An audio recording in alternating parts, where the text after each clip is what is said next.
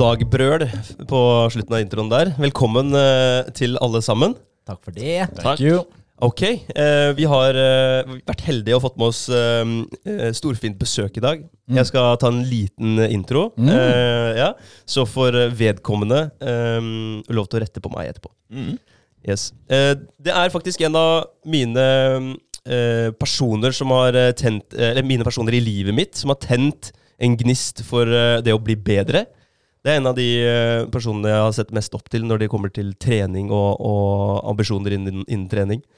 Um, så for å ta min kjennskap til han, så er det fra nesten, det er nesten ti år siden. Det er, eh, ja, det er vel brått ti år siden. When I first met you, yeah. Yes.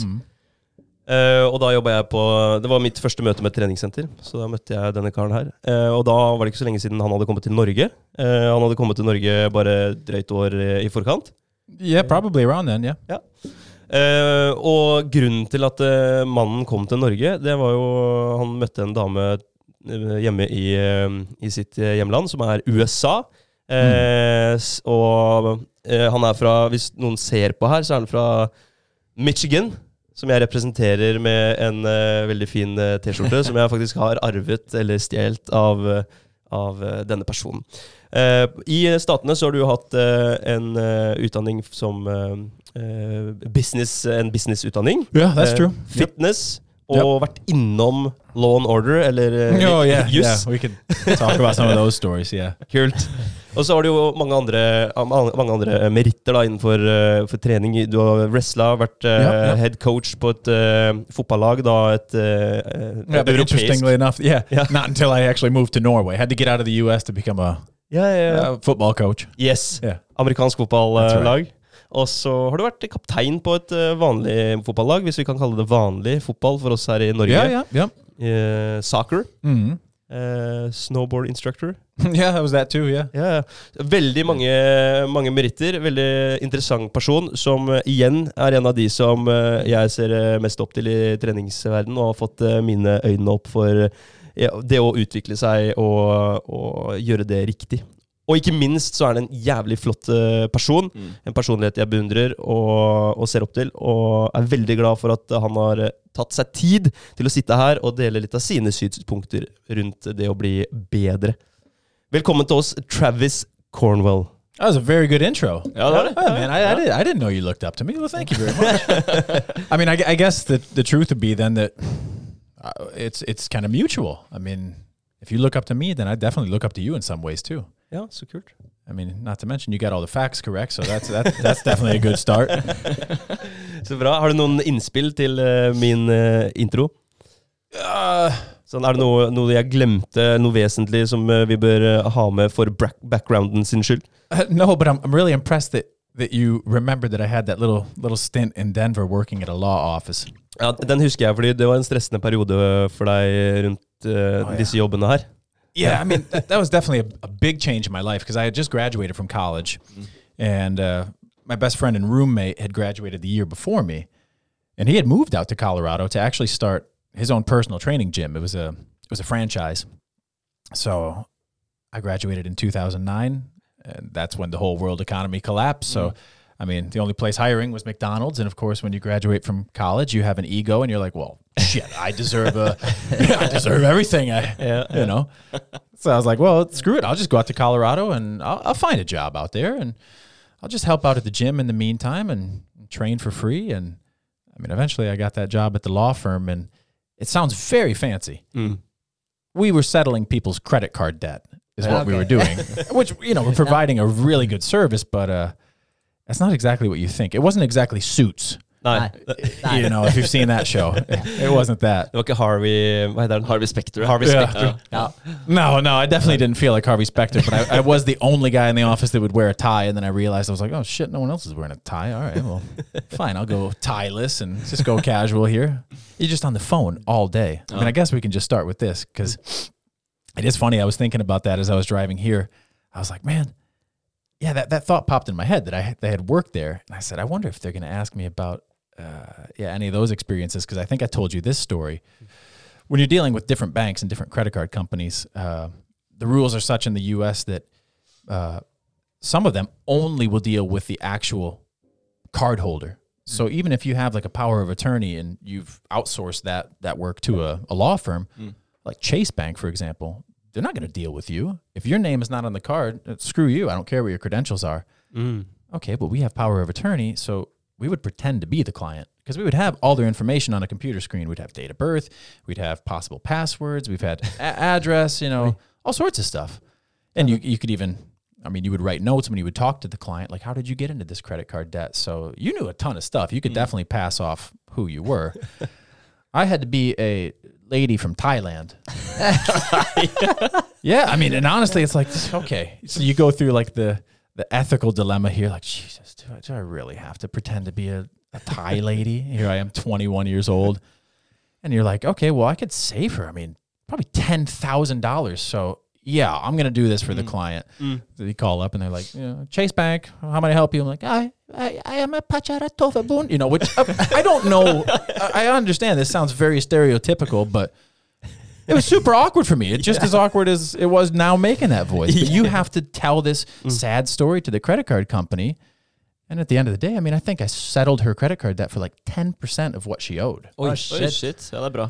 Yeah. So, I mean, wh- whatever. Racist, stereotypical voice aside, saved the lady Ja. Ja, quite, det var quite a bit of money. verdt I mean, and we had to do that all the time. And, you know, it's just, you're kind of like in his out of body experience thinking, this is what I'm doing with my life. This yeah. is, Det er, det, er jævlig, det er jævlig bra. Så sånn etter college, altså, du har tatt deg en utdanning, og sånn, og så føler du at du er på toppen av verden på graduation, og så dagen etter så er du arbeidsledig, og så må du bare finne deg noe greier. Så det, er, det er litt kontraster på akkurat oh, man, very, very humbling. Ja. yeah. that's for sure. Definitivt. Men, eh, ja, ja, men du blir god på å imitere folk, og du blir god på å sette deg inn i andre sine situasjoner, og kreativiteten, ikke minst. Så Yeah, yeah, for sure. And also like just figuring out the the financial system in the US. I don't know how it is here in Norway. If if you if you don't pay off your credit card bills, what happens? jeg er ganske sikker på at ingen eh, kan late som at de er deg og få deg til å slippe unna regninga. Jeg er, rimelig- er sikker på det. Der er det noe som heter personvernloven og, og Ja. data, hva heter det? dataloven eller et eller annet sånt noe. Det er mye, Ja. mange lover som uh, strider imot akkurat det der.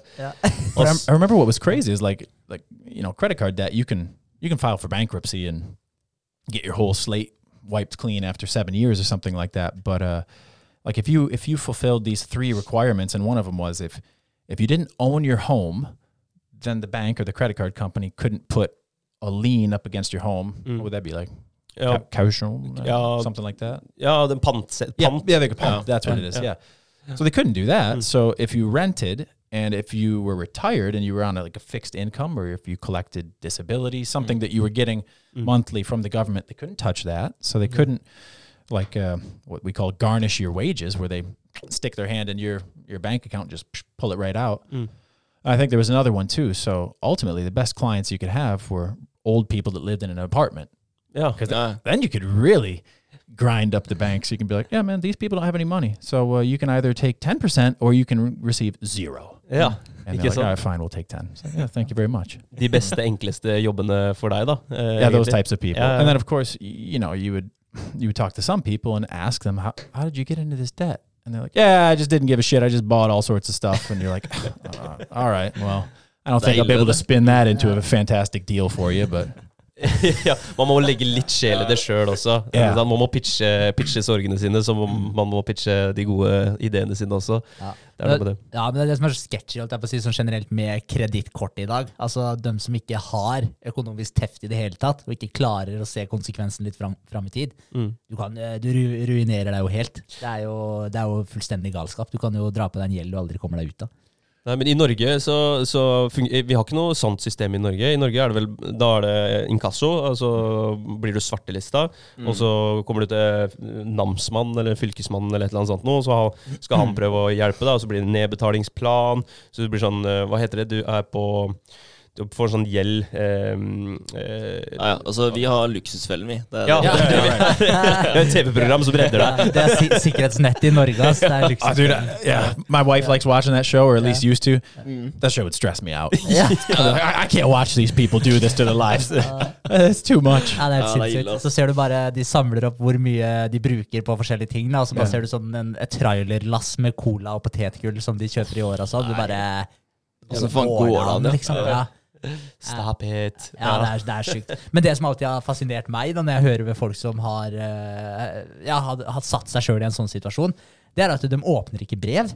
Altså sånn, Oh, De yeah. åpner ikke regninger, de brenner konvolutter og legger det i en skuff. og sånn. Og da tenker jeg sånn, hvordan, hvordan, hvordan, hvordan klarer du å gjøre det? Altså For meg så er det bare helt utenkelig. Yeah. That's probably the best with that that system at the law firm because they would forward their mail to us. So they would change their address to our address, so we received all their mail. Shit. yeah. So so I mean, don't have to think about that anymore.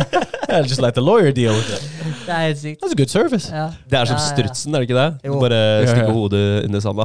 Yeah, I don't know if people really learned their lesson from from joining our program. They definitely got out from underneath some of the massive credit card debt, but I don't know. I'm sure there's quite a few that are right back in the program. ja, det er fare for det. Ja. er det. Men eh, hvordan, eh, i forhold til at du stakk til Norge, hvordan, eh, hvordan gikk det for seg? André nevnte et eller annet med at du traff eh, kona der borte. Hun norsk? Yeah, yeah, yeah. Yeah. She was she's Norwegian. She was working as an au pair, Mm. and uh, I met her through one of the the clients at the gym. Uh, he knew the family that she was she was working for, and I was like, well, okay, well, she's Norwegian. That's very exotic. So let me just give me her number. I don't even have to see her. This is probably this is probably perfect. So for real, went on a like a blind date and to a movie, and she had like she had a sore throat or something, completely lost her voice, and she's super quiet as it is. So, what a terrible date. We sat through what was the movie 2012, which is like a two and a uh-huh. half hour long, just boring movie. And here's this Norwegian girl that is nervous about speaking English to me and has a very quiet voice, and at this time has like no voice. And I'm like, so what, what am I doing here? It's like, okay, I got to give it another shot. So we just kept, you know, going date after date and worked out well. And then when she had to move back, um, this would have been 2010. You know, I'm working this law firm job. And I'm like, I can lose this job. It's okay. I'll see if I can move to Norway. And, and, you know, I, I did have the personal training background from helping out my buddy at the gym. And, you know, not to say it was some sort of fantastic PT education, but I was like, yeah, screw it. I'll just apply for jobs in Norway. I mean, talk about wild, just taking a chance. Yeah. Just, yeah, I'm just going to do that. And everything will work out fine. Like, Hvor lenge hadde dere liksom data da? Når dere oh, oh, about a year. Ja, ikke sant? Yeah.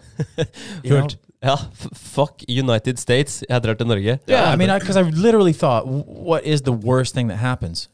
You move back to your parents' house, Mm. and that's probably going to be pretty okay. You, you know? Ja, ja, det er jo ikke noe verre enn det. Men uansett, så er det et stort steg å ta. Ja. Det er det jo. Ja. Yeah.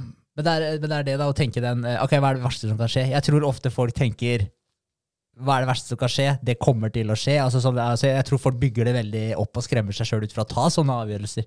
Eh, så det er jo ganske kult å ja, hoppe i det på den måten. For det er jo som du sier, hva er det verste som kan skje? Ja, du flytter tilbake til foreldrene dine, og så ja, fuck it, da finner du Mm. ikke det, liksom. But I mean, I wonder how, how much of that do you think is probably being 21 and also being a man? I, I, I think just like genetically speaking and historically speaking, that's the age for men to take wild risks. Mm. I mean, like Garantert. like uh, Aldmanson, Mm. the Norwegian explorer. That dude could not have been that old when he's like, I'm getting on the boat and I'm going to the South Pole. Nei, det er sant. Kanskje en sånn frontallapp som ikke er sånn 100 utvikla ennå. something bare, like that. Fuck it. Ja. Ja, Vi skal jo være er det to år etter damene på utvikling av frontallappen. Er det ikke noe sånt? da? Jo, fem, 25. Ja. Damene er kanskje 23. Jeg er Ja. litt usikker. Ja, men eh, right. det er noe sånt. Ja. Så, så det stemmer nok bra, det. Mm. Kan hende. Også Altså konsekvenstenkning, eh, risktakning. eh, Det er et eller annet som Det er en eller annen linje her som ikke treffer helt igjennom, og at man, man bare ja, tar den sjansen, og så eh, fuck it. Yeah. Hva er det verste som kan skje? Men det er jo noe med det, altså den der potensielle nedsiden er jo som regel eh, lav. Og Ja. den potensielle oppsiden er jo som regel veldig stor. Altså Den er jo nesten ubegrensa sånn sett. Så, så hvis man ikke tar de sjansene heller, så, så går man jo glipp av mange muligheter òg. Så jeg tror det er veldig positivt å faktisk gå for det. Nå mener jeg ikke sånne hodeløse avgjørelser, men åpenbart så er det jo ikke en hodeløs avgjørelse å ta det spranget og flytte til Norge og prøve å se hvordan det går. Yeah, right. Yeah. I, I saw a lady on Instagram just the other day, just to help, a completely random lady. Almost went into Norwegian. Helt random. Bara helt random. uh, and, and she said this is the same type of thing where so many people are like, "Oh my god, uh, the worst is going to happen to me. Like, what if everything goes to hell?" And she s turned it and said, "You know, what if everything goes great? What if everything goes way better than than you think?" And believe me, I understand that that's not necessarily how our minds are always you know, programmed to work. It's definitely an exercise in discipline to try to turn your mind like that. But yeah, I mean, if I look back on my life, and there's that's not the only time that that's happened. It's been kind of case after case after case where you you can realize, shit, dude, you've done this time after time. Mm. Why couldn't you just do it again? Mm. Det er det cookie jaret. At du går tilbake og ser på de kakene som David Gagens legger mm. bak i cookie jaret sitt. At hver gang han har gjort en eller annen sjuk eh, ting, så kan han eh, gå tilbake og si ah, faen, det her gjorde jeg. Hvorfor kan ikke jeg gjøre det her en gang til? Mm, det er Det er, det er viktig å dra med seg de erfaringene. Men uh, 21 om mann, jeg syns det var interessant at du sa Jeg har ikke tenkt på det jeg har ikke, Det har liksom ikke vært noe jeg har tenkt på ofte, men uh, det er jo et godt poeng. Men tror du at det også er på eh, andre sida av skalaen? Hvis du, nå tok vi for oss eh, sjuke ting som kan gå bra. Altså, hva er det verste som kan skje? Jeg gjør det. Men tenk på de eh, som gjør forferdelige handlinger ute i verden, da. Med typ massakre og terrorisme. Og det er veldig mange unge menn i altså typ begynnelsen av 20-åra som gjør akkurat det samme. Er det med på å fremprovosere eh, sånne aggressive handlinger også? Mm. Ja, At, jeg- man, at man ikke ja. tenker konsekvenser på samme måte. Ja, ja At du, du får det i begge retninger. da Altså Risktagning i positiv forstand, risktagning i supernegativ forstand. Ja, jeg tror eh, garantert det. Det er bare å se på antallet som sitter inne i fengsel. Da. Det, er, altså, det er jo og godt over 90 menn. Det er, Ja. det er, det er ikke tilfeldig, det heller. Så, så jeg tror det er på godt og vondt. Da spørs det hvilken retning man uh, drar, selvfølgelig. Men ja, jeg tror det er på godt og vondt. Mm. like, don't don't you guys feel it like deep inside sometimes too? Whether I don't know, you see something on the news or something happens in your life where like that primal anger comes up, and, and it's like, man, well, if you didn't have the control mechanism to be like, okay, let's just calm down for a second. Of course, you're gonna Yeah. you're gonna flip out. Like that's that's deep inside. Ja, det er det. Ja, definitivt. Og du ser jo ofte det også da, på kids. da, Det er jo det, er jo det perfekte eksempelet. Hvis du ser et, eh, en unge som ikke har kontroll, da, som ikke har utvikla si, jeget sitt, som har ikke utvikla kontrollen over disse instinktene, for å kalle det det. Og du ser jo det, de, de er jo høyt og lavt hele tiden. De Brått så er de dritglade, ikke sant? og så bare klikker det for dem. De er fulle av raseri og bare sitter og skriker. Og det er jo liksom, Du har ikke kontroll på de, og vi merker jo de impulsene. altså Etter hvert som du blir eldre, så klarer du å Du, du tar deg i det, du lærer deg å kontrollere de følelsene og de instinktene som kommer opp. Men det er jo innimellom, som du sier, at du får den der urgen, og så krever det mye da å holde det nede. Og du ser jo noen klarer ikke å holde det nede, svartner for dem, og de gjør en eller annen greie som de absolutt ikke burde gjort, men da er det for seint, og da kanskje de får eh, eh, kjenne konsekvensen av det. Så bare det å lære deg å kontrollere alle disse impulsene der er også ekstremt viktig. Men det krever, hva skal jeg si, mange år. Det er jo, altså det er jo en grunn til at der, eh, tenåringer også, de får eh, disse eh, ja, temper tantrums. Ja, ja, ja. Mm. Altså, så du får jo det, og det hender jo at det kommer innimellom nå, men da klarer man kanskje å ta seg litt mer i det. Så det er jo en, det er jo en utvikling.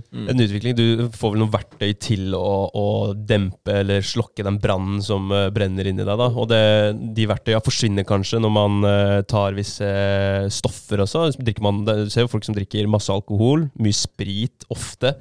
Mister jo også hemninger og gjør noen sjuke greier som man mm, egentlig hadde på en måte, hva heter, kvelt uh, før han kom til livs. Ja. Du blir kanskje litt sånn der eh, kid igjen. da. Du klarer ikke å, du klarer ikke å kontrollere alle disse impulsene. Altså, de kommer veldig tydelig fram, enten om du blir veldig glad, eller veldig lei deg, eller veldig sinna. Altså, Så du har de impulsene som kommer fram. Det er jo litt sånn da, at den alkoholen den fucker med hva skal jeg si, den, Impulskontrollen. ja, den overordna jeg-en din, da, som styrer alle disse impulsene. Det jeg Ja. syns er jævlig fett, da, det er jo altså psykoanalytikerne. De har jo eh, den teorien deres. De sier jo at vi, vi er eh, sammensatt av mange forskjellige personligheter.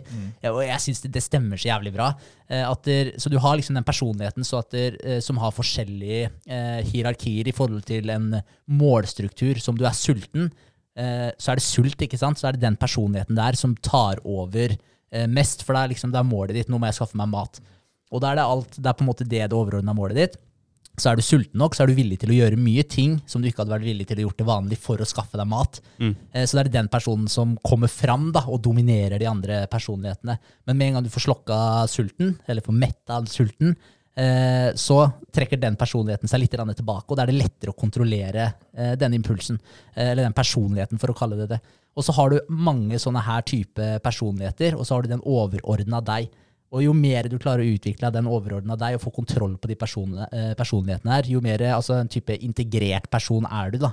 og jo bedre karakter har du selvfølgelig. Eh, men det, det, det handler om å utvikle den overordna deg, og ikke la disse små personlighetene ta styringa.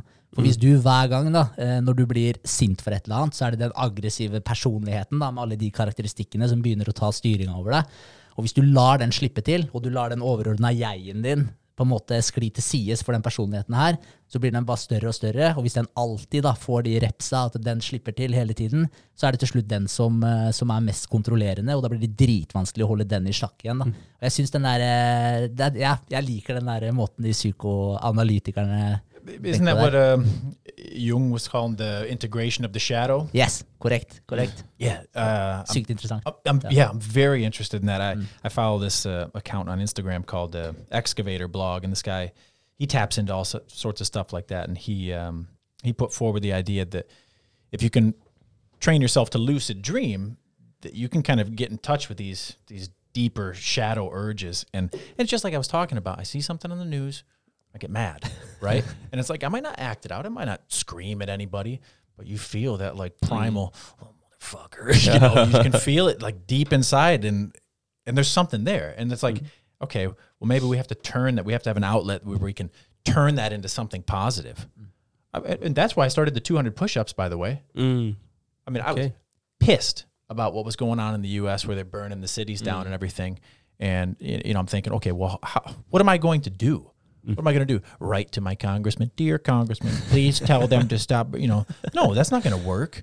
And you know, okay, doing push-ups myself might not be the answer, but I had to find some sort of outlet for that anger that I have. Like, that's fine. That's fine. The world's going to be like this. Then I'm going to become a monster too. Yeah. Okay. I'm going to do my 200 push-ups every day. I'm going to be like a Goggins style monk. Yeah, kult. I'm not there yet, but, but that that was me taking that that shadow and be like, no, fine. I'm I'm gonna f- funnel it into something that I can actually use and Ja, og kontrollere òg, ikke minst. Da er det noe yeah. som du også har kontroll over, som du bruker energien din på, og bruker det sinnet da, til å, til, eh, ja, som du sier, da, eh, kanalisere, eller hva, hva blir det for noe? Jo, kanalisere. Ja, det. kanalisere, Channeling. Ja. Ja. Uh, så det er, det er litt som Jordan Peterson snakka om også. altså det er sånn der, eh, som, altså Når du skal ta kontroll, da, fordi de instinktene og det sinnet er jo der. eh, og, det, og det kommer jo fram. Det er en del av personligheten din. Og som han sier, altså det er sånn det er ikke nobelt å være, eh, å være ufarlig, eh, men den noble delen er at du er et monster. Da. Du er farlig, og du vet det, men du klarer å kontrollere det. Mm. du klarer å oppføre deg på en ydmyk måte. Det er på en måte det er det ultimate. da. Det å, det å være harmløs, det er, det er ikke nobelt. Det er bare å være harmløs. Men, eh, men det å faktisk vite at du er Du har et monster inni deg, liksom, men å klare å kontrollere det og, og bruke det til noe godt. Og ja, kanalisere den energien der hvor den burde kanaliseres. da. Få kontroll på ja, skyggen, monster i deg. Det er, eh, det er veien å gå. Ikke bare suppresse det, men faktisk kanalisere det. But I mean, honestly, before Jordan Peterson, because that's how I came into that. I mean, did you guys have any man in your life that told you this stuff?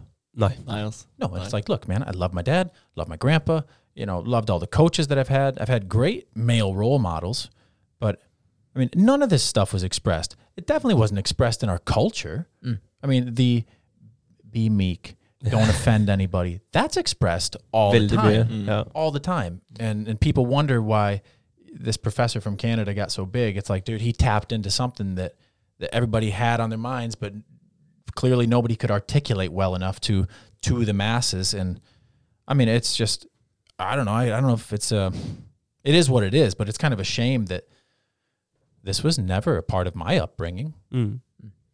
Nei, vi, vi, er jo, vi er jo lært å, å være de snille og ikke ta sjanser og få Det er jo det som vi, vi har snakka om i mange, mange episoder. Ja. Det med å, følge den derre A4-planen som er skrevet i stein i eh, familietreet ditt allerede, holdt jeg på å si. Eller i, eh, ja, skrevet av familien din. da. For de vil at du skal ha den utdanninga, du skal finne den trygge jobben, du skal ha den jenta som eh, kanskje familien kjenner best. Sånn at de, de hele tiden har Ja, de ikke møter på den overraskelse, de heller, da. Du skal ha det trygt, og de skal ha det trygt. For hvis du gjør noe som er eh, annerledes, så blir det annerledes for de også.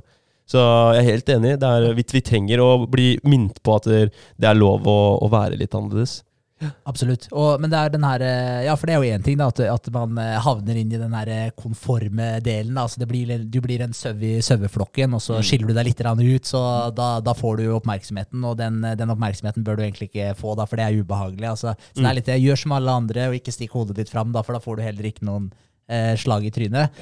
Men, men det er jo det, er, det blir jo Altså, det er jo veldig feil eh, måte å gjøre det på. Altså, du, tenk deg hvor mange talenter, tenk deg hvor mange utrolige personligheter som egentlig bare blir dyssa ned fordi de ikke får lov til å uttrykke seg. Eh, men en annen ting er jo også det med bare å forstå eh, litt mer av eh, psykologien vår, hvordan vi fungerer, naturen vår.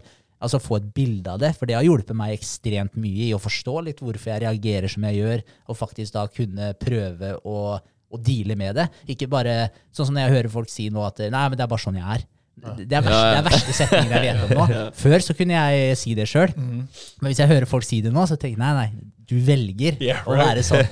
Du har valgt, det er et valg du har tatt. Så, og, det, og det er ikke det nødvendigvis sagt at man får switcha det her over natta, men hvis du vet hvordan eh, mekanismene i psyken din fungerer, da, så kan du begynne å ta små valg hele tiden. Og hvis du vet at du eh, begynner å eh, ta et valg for å på en måte ja, endre litt på en eller annen karakteristikk eller egenskap som du ikke liker ved deg sjøl, så kan du faktisk forandre den, men det kommer til å ta lang tid. Men igjen, har du en dypere forståelse av hvordan ting fungerer, så, så, så er det muligheter for å endre det òg.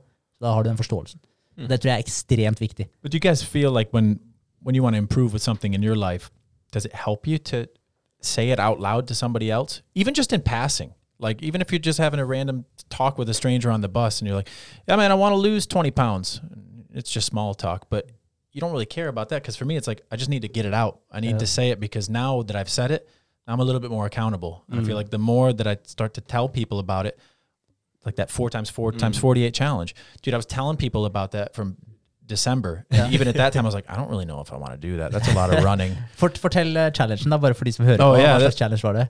I was uh, the David Goggins challenge where it's um, uh, you run four American miles, which is like 6.4 kilometers, uh, every four hours for 48 hours. And it's, so it's 12 rounds. Det er jo helt sjukt, da. Det Ja, er utrolig bra jobba, ja. Men eh, Well, and I, cause like I had this perfect route by my house, which turns out to be almost exactly 6.4 kilometers. So I thought I've, I've ran that a couple times and it's not like I'm sort of some big fan of running because I'm not, but over the past two years, like I said, that shadow, getting angry. I hate this COVID stuff. Okay. I'm just getting angrier and angrier. I got to get out of the house. I'll go run. Mm. Well, then I started to like it because I would listen to Jordan Peterson or Goggins or Akira the Don and listen to his remixes of all these guys. And mm. so, like in December last year, I thought you're over halfway with doing the 200 push-ups a day. Time for some sort of new challenge. And so I just started telling people about that. Like, hey, I think I'm going to do this. And I did get the feeling that the more I told people, the more committed it was because eventually these people would be like, hey, man, did you do that running challenge? No, no, I, I couldn't. My foot hurt. You know, it's something stupid like that. Right? ja, det er veldig sant, altså. Så ja, så du fullførte, og det gikk bra? Yeah, Yeah, yeah. I mean, uh, again, the I can't say every round was running. Nei. Oh God, it was not. I mean, after I did the first six, th- those all felt okay, but it was maybe seven and eight. It was one where I had to wake up at midnight. Oh, I just, I just had to walk. I had to walk, and it was like slow, old man, controlled, stumbling walking. and believe it or not, I saw a guy as I was walking back home at midnight, like a crazy person, on a Saturday. you know, uh, one of the guys on my football team, he drove past and he's like, "Hey man, how you doing?" Because I had told him about it, and I was like, "How's it look like I'm doing, man?" I'm just like shambling home. It hurt so bad in my hamstrings, but I don't know. It- you know, I got two kids too. I got two daughters, one that's two and one that's now three months old. So, you know, there's some more external motivation. Mm. So I would I would look at them and be like, okay, well, you can't be the loser that quit. I mean, set the standard for for these girls. They're too young to understand it now, but they'll maybe look back on it on it later and be like, wow, shit, that was impressive. And mm. You know, and I put them in the stroller and I ran laps with them in the stroller. And on round six, I had I had the whoops the big one up on my shoulder in that little like mini mice thing, and I had uh, the little one in the stroller, and I walked, and that was absolutely terrible to do that for an hour with 15 kilos on your neck.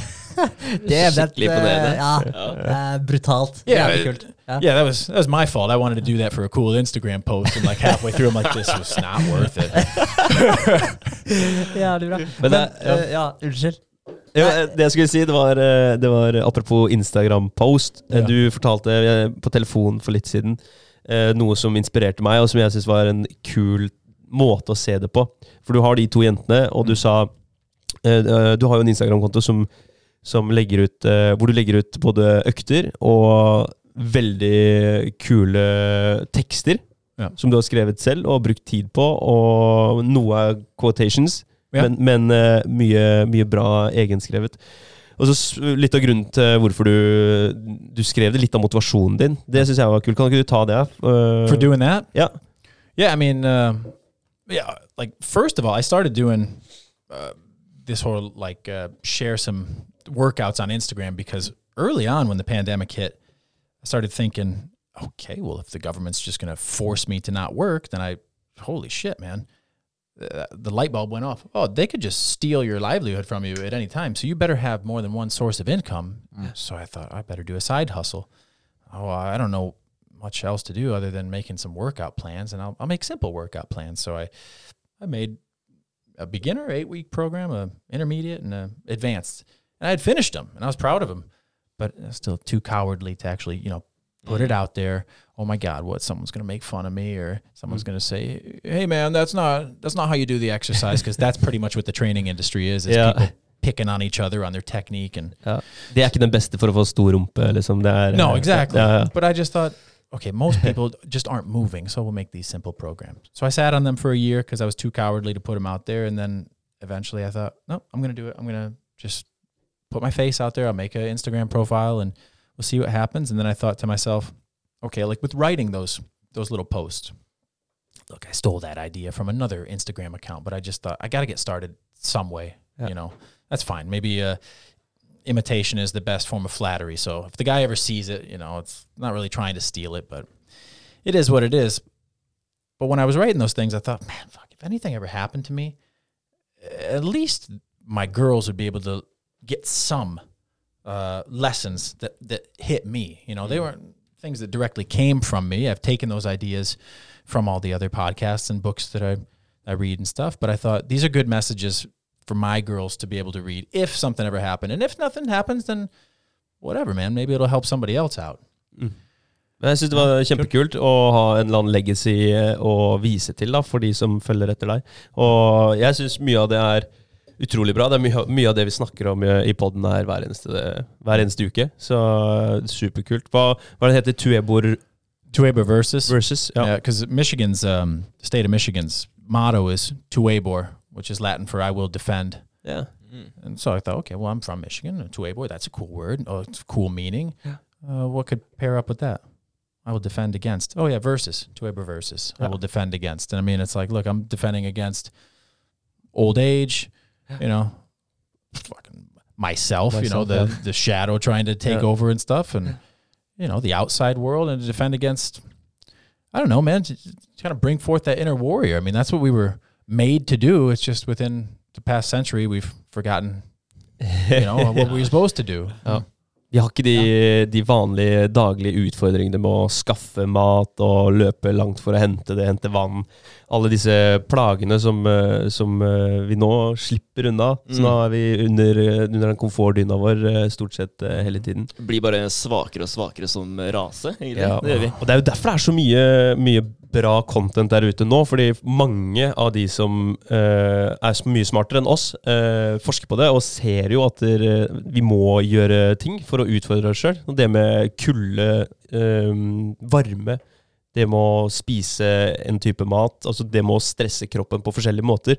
Når vi har altfor få stressorder i, um, som vi er, vi er skapt for å håndtere, så blir vi understimulert på så jævlig mange forskjellige områder. Og da ja, blir vi svakere og svakere, og vi bare råtner bort eh, til slutt. Det er ikke bra. Nei, det er ikke det. Og det er som han der eh, Fedor Dostojevskij sa altså Hvis vi hadde levd i en perfekt verden da, hvor du ikke hadde noen utfordringer, du bare kunne ligge på sofaen basically og bare spise dritt, så du, du hadde knust noe bare for at noe skulle skje, bare for at noe skulle bli interessant. da. Ja. Vi er ikke laga for å bare ha det plain bra hele tiden. Og Det er jo litt de her kontrastene også. For å, for å få de kontrastene, for å vite hva som er bra, så må du også vite hva som er dårlig. og du, altså, Det er en eh, oppveining eller avveining hele tiden. da. Du er nødt til å få de forholdene der for å virkelig sette pris på ting. Ja. Hvis du alltid får det bra hele tiden, null utfordringer, ja, men det er jo det standarden din. da. Det er jo det vanlige. Det er jo ikke det bra lenger. Jeg ser jo mange foreldre som, som eh, har uh, veldig snille barn også, sier jo det. At ah, jeg skulle ønske at hun kanskje kunne dratt på en fest, eller jeg kunne liksom utfordre litt. Da. Utfordre de rundt, og utfordre seg selv. På, selv om det ikke er kanskje det beste eksempelet, men, men, eh, men allikevel. Det er det, du må vite hvordan ting fungerer for å kunne gjøre noe Eller bli noe bedre, da, bli annerledes. Ja. Så drite seg ut på en fest, det er kanskje, kanskje det er sunt. Ja, det er noe med det. Altså bare, så, ikke sant? så lenge det ikke er for mye av noe. Så lenge det ikke er for mye av for få utfordringer, og så lenge det ikke er for mye av for mye utfordringer. Det handler om den der, eh, ja, litt kult, den der yin og yangen som vi hadde bak oss her en gang i tida. Ja, men men det, må, det må være på balansen da, mellom kaos og orden. Altså være på linja der. Og, altså Dyppe tåa litt ut i kaos og kjenne på det, eh, men også litt inn i orden. Da. Men det kan ikke bli for mye orden, og det kan ikke bli for mye kaos. Så det riktige stedet er å holde deg på den linja der. Og da er du nødt til å finne ut hvor begrensningen din er. Da. Du er nødt til å prøve å utvikle og, og, ja, og prøve å oppsøke litt eh, ukjente. da. Sånn som du tar de der challengene, 200 pushups hver dag i et år, eh, løpe ja, fire engelske mil eh, hver fjerde I haven't ran since that. men, men det er noe med det der. Altså, vi har drevet med challenge nå måned etter måned, vi også. Og det er liksom sånn der, altså, Plank. Ja, å faen. Ja. Og, og det er liksom sånn eh, Men du, du kjenner jo etterpå. Altså det, gir deg jo en skikkelig Hva skal jeg si? Altså Jeg føler meg skikkelig bra etter at vi har gjennomført en sånn type challenge. Spesielt de fysiske, de som er virkelig de beinharde challengene vi har gjort. Du, du, du føler deg jo bra etterpå. Sånn er det jo alltid når du mestrer en ting som du kanskje ikke trodde at du kunne få til på dag én, men etter 30 dager så har du bevist for deg sjøl at du mestra det. Da har du vært ute i kaoset, og du har hanka inn det, og nå er du på linja igjen, da. Men, men du har klart å på en måte overvinne den delen av kaoset. da. Så ja, så det er, jeg tror det er veldig viktig. Yeah, yeah, but then how do you guys how do you guys know when you're too much on one side or the other? I, I don't know either, but I, what I've started to do, I'll just keep saying in the past two years because I mean the COVID thing just flipped me completely backwards. That woke me right up. I mean it was like you know red pill. I'm now doing something completely different with my life, but I listen to that that inner voice. I don't know what the hell it is, but it's like something pops up in your head. And It's like, hey man, do your fucking push-ups, and you know, okay, well, yeah, I should probably do my push-ups today, or hey, like, okay, good example. Uh, I was leaving work one day, and I was thinking to myself, this was after you guys had the, the guy about renting houses and apartments. I'd listened to that Kenneth. podcast. Yeah, Kenneth. Yeah, and again, that's another thing where it's either divine intervention or it's some weird coincidence because I, I listened to that podcast right at the right moment because we're going to be moving to Surlon and we're possibly looking at buying a house where you can mm. rent out some rooms. And I've thought about that, like making some extra cash. So on my way home from work, I was going to call you, send you a message and say, hey, man, thanks a lot for that episode. I really enjoyed it. That was very cool. Son of a bitch who calls me like a half hour later, he calls me. and I, I mean, when was the last time I talked to you on the phone? Years ago. Yeah, yeah, yeah. It was. Right. So again, here's that that gut feeling like send Andre a message. You know? Sjukt, altså. Yeah, right. Og så tok jeg deg i forkjøpet, eller kom deg i forkjøpet. Yeah, you Yeah. did. You beat Yeah. me to it. Yeah. Yeah, I mean, but, but another good example is uh, Thursday and Friday this week. I got to go to a leader meeting out in the middle of nowhere. Mm. Brandemon Hotel. Do you know where that is? In Østfold. I don't know. Got to go to this leader meeting.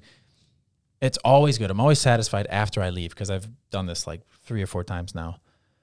But there's that part of me that's like, oh, don't don't go. Just pretend you're sick, dude. Just pretend you're sick. You could just hang out at home. I mean, everybody else calls in sick all the time. You could do it, but there's that voice that's like, don't be a bitch, man. you need this. There's there's something here for you. You know. If anything, it's going to make you a little bit tougher because you just sat through something you didn't want to sit through. So I mean, Godt poeng. Ja, men jeg, ja, men jeg tror det er et, eh, et poeng. Nå var det mye her da som går an å adressere, men, men ut ifra det du sier da, med den der lille stemmen din, altså den samvittigheten, egentlig. Ja. Og, og jeg tror at hvis man virkelig eh, hører etter, så vil den fortelle deg hva du gjør riktig og hva du gjør feil. Men eh, jeg tror også at jo mer du lærer deg å lytte til den stemmen, og jo mer du faktisk hører på den, og, og gjør det du skal, altså de pushupsa dine, når du sier liksom ja, ta de pushupsa. Jeg har ikke lyst til å ta pushupsa. Jo, ta de pushupsa. Ok, fuck it, jeg tar de pushupsa. Så hver gang du gjør de greiene her, så gir jo det deg en uh, selvtillitsboost. Altså fordi du har gjort det du vet at du burde gjøre. Og hvis du ikke gjør det, og du på en måte uh, trykker den stemmen ned, så den er fortsatt der, men den gir deg bare dårlig samvittighet. Så den vil jo bare ligge og gnage. Det vil gå utover selvtilliten din, det vil gå utover humøret ditt og hele den pakka her. Da. Du vil garantert bli mer frustrert. Så jeg tror at jo mer man faktisk lytter til samvittigheten, For hvis du virkelig spør, så, så vet du svaret på hva du burde gjøre. Og hvis du virkelig begynner å lytte på den, så tror jeg at den også vil bli mer framtredende, om du skjønner hva jeg mener. At du vil få enda sterkere signaler om hva du burde gjøre, og hva du ikke burde gjøre. Så jeg tror jo, helt ærlig talt, at vi utvikler den samvittighetsstemmen, om jeg kan kalle det det, tror jeg, ved å faktisk lytte til den. Men veldig mange, inkludert meg sjøl mange ganger, har bare trøkka den oh, ja. ned. Så jeg tror du må, man må jobbe for å utvikle, utvikle den igjen. Det tror jeg. And it comes back to that fear thing where then rationality will take over and well, there's all these different things that could go wrong, so you probably just just play it safe. Just play it safe. And I totally get it. I understand why a lot of people are the way that they are. Like, look, man, it's it's very comfortable to just sit at home and watch Netflix and you, know, eat the shit food. Mm. I mean, I, I get it. I understand why people do it. It's very hard to to completely uproot this whole personality that you've built up and since you were a kid mm. going through school, you know. I mean, even just that in itself, like how many times have you uh, this applies to me a lot, not done something for fear that "Ah, you know what, someone from high school might be like, that's stupid. Someone from high school, dude, you're 34 years old. What do you care? You live in a different country, but still there's like this weird thing like, no, man, that's not what the popular kid would do. So I probably shouldn't do that. It's stupid. Ja, det er helt idiotisk. Og der har vi altså, vi er vår egen største fiende. Altså, vi, vi er vår egen største motstander òg. Vi er så sinnssykt kritiske ved oss sjøl. Og bare det ved å tenke på, på den indre dialogen vi har, for det har også vi snakka om en del ganger. altså Den indre dialogen, hva du faktisk forteller til deg sjøl, hvordan du snakker om deg sjøl. Hvis man tenker på at der, hvis, du, hvis man flipper det om da, og ser for seg at der, måten du snakker til deg sjøl på, den snakker du til en du virkelig bryr deg om. Snakker til, sånn til partneren din, for eksempel. Så er det sånn, Du ville jo aldri snakka sånn til den partneren. Det var sånn, å faen, du er, du suger, du er, er du ikke kjekk nok til å være på, på Instagram, liksom. Altså, 'Jeg du kan ikke legge ut der, da ser du dust ut. Og bare, nei, faen, det her får du ikke til, så det burde du ikke prøve på. Altså, Vi er så sinnssykt harde mot oss sjøl. Vi burde heller gjøre som vi ville gjort med, med partneren, eller en du virkelig bryr deg om. Og, og heller ha, ja, ha den dialogen og løfte opp, ja. Prøve å tenke sånn, nei, vet du hva, det her får du til. Prøv, da. Hvis du ikke prøver, så får du det i hvert fall ikke til. Altså, gi, gi deg sjøl den boosten, og prøve å bytte ut litt den der eh, mentale dietten, som, eh, som du kalte det, André. Ja, ja. Så fint ord på det. Så, og prøve å, å trimme den der, eh, ja, mentale dietten. Bytte det ut med litt mer positivitet, og, og booste, booste deg sjøl litt. Ja. Så det tror jeg vil eh, ja, hjelpe veldig mye. Jeg har blitt veldig bevisst på det, i hvert fall, hvordan jeg prater til meg sjøl. Og det, jeg merker det går utover selvtilliten min, humøret mitt. Det, det, det sprer seg utover i alle, alle aspekter. Og det sprer seg utover til de du er rundt òg, ikke sant? Definitivt. Ja, Vi merker jo det bare med å sitte her sammen med, med andre mennesker som tenker litt likt, og man hele tiden blir bevisstgjort på alt, alt vi snakker om nå. Med ja, tankene, hvor mange tanker eh, vi har i løpet av en dag, hvor mange dem som er negative. Vi snakka om det sist. Det er jo 80% av alle de gjennomsnittlig 60 000 tankene vi har i løpet av en dag, er negative.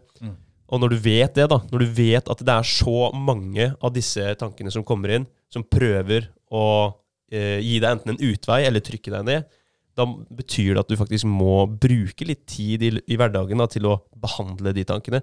Ta de imot, og så bare OK, du skal ikke få plass her, sender deg videre. Eller ta imot den eh, positive tanken og, og virkelig få den forankra i, i deg sjøl.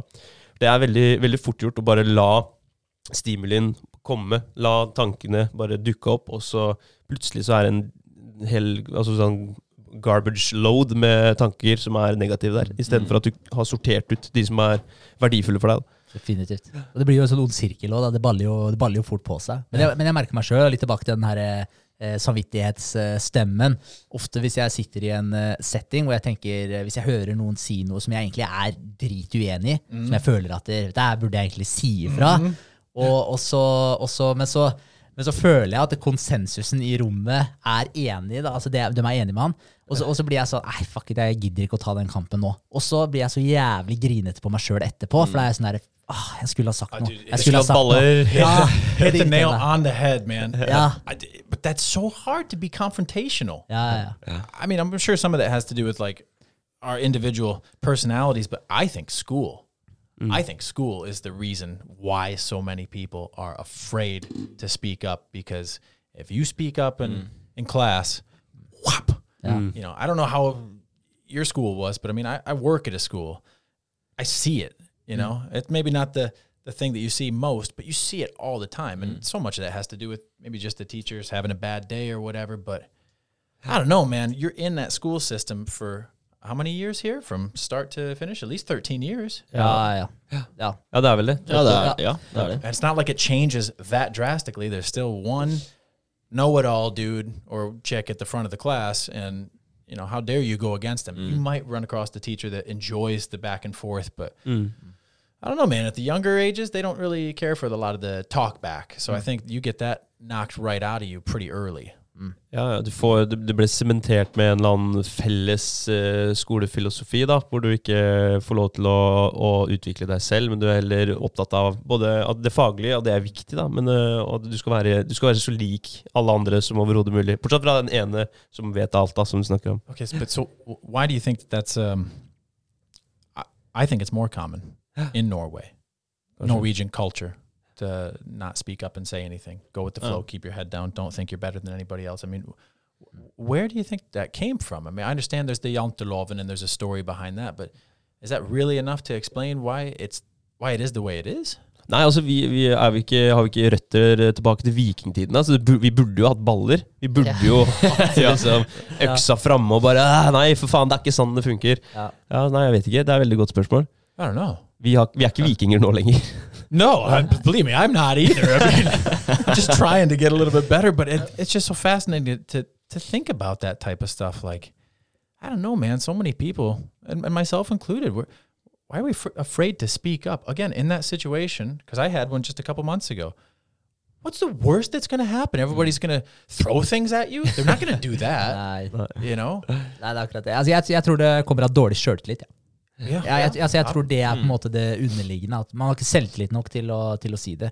Hvis eh, noen sier et eller annet til eh, deg og André som har med trening å gjøre, som dere vet 100% det her er ikke riktig, selvfølgelig sier dere ifra. Bare sånn, dude, altså eh, Uh, not all the time. Ikke? No, because honestly, sometimes you'll see people where it is kind of like, well, what, what am I going to get from this? Ja. You Okay, know, and of yeah. course, there's a rationalization where you're like, well, I'll never be able to change this person's mind or whatever. But sometimes it is just being polite. You're like, okay, idiot. Yeah, yeah, yeah, yeah. Ja, det, er- det spørs om, og står, det om, står det om liv og død at de gjør noe som er 100 feil, at de holder på å ta knekken på seg sjøl, ja, da Ja. sier man ifra. Men hvis det er sånne enkle ting som bare ah, er ikke helt Because you eh, hear it all the time at the gym, and it's okay. I mean, people get well. Journalists write nonsensical stuff all the time, so you can't blame people for you know believing some of the things that they believe that you know doing a tricep kickback is going to get you totally jacked. you, you, you see wild stuff at, at the gym. The in and out machine. Yeah, yeah, yeah. yeah. Det er eh, ja-nei-maskin, har dere sett den? Ja.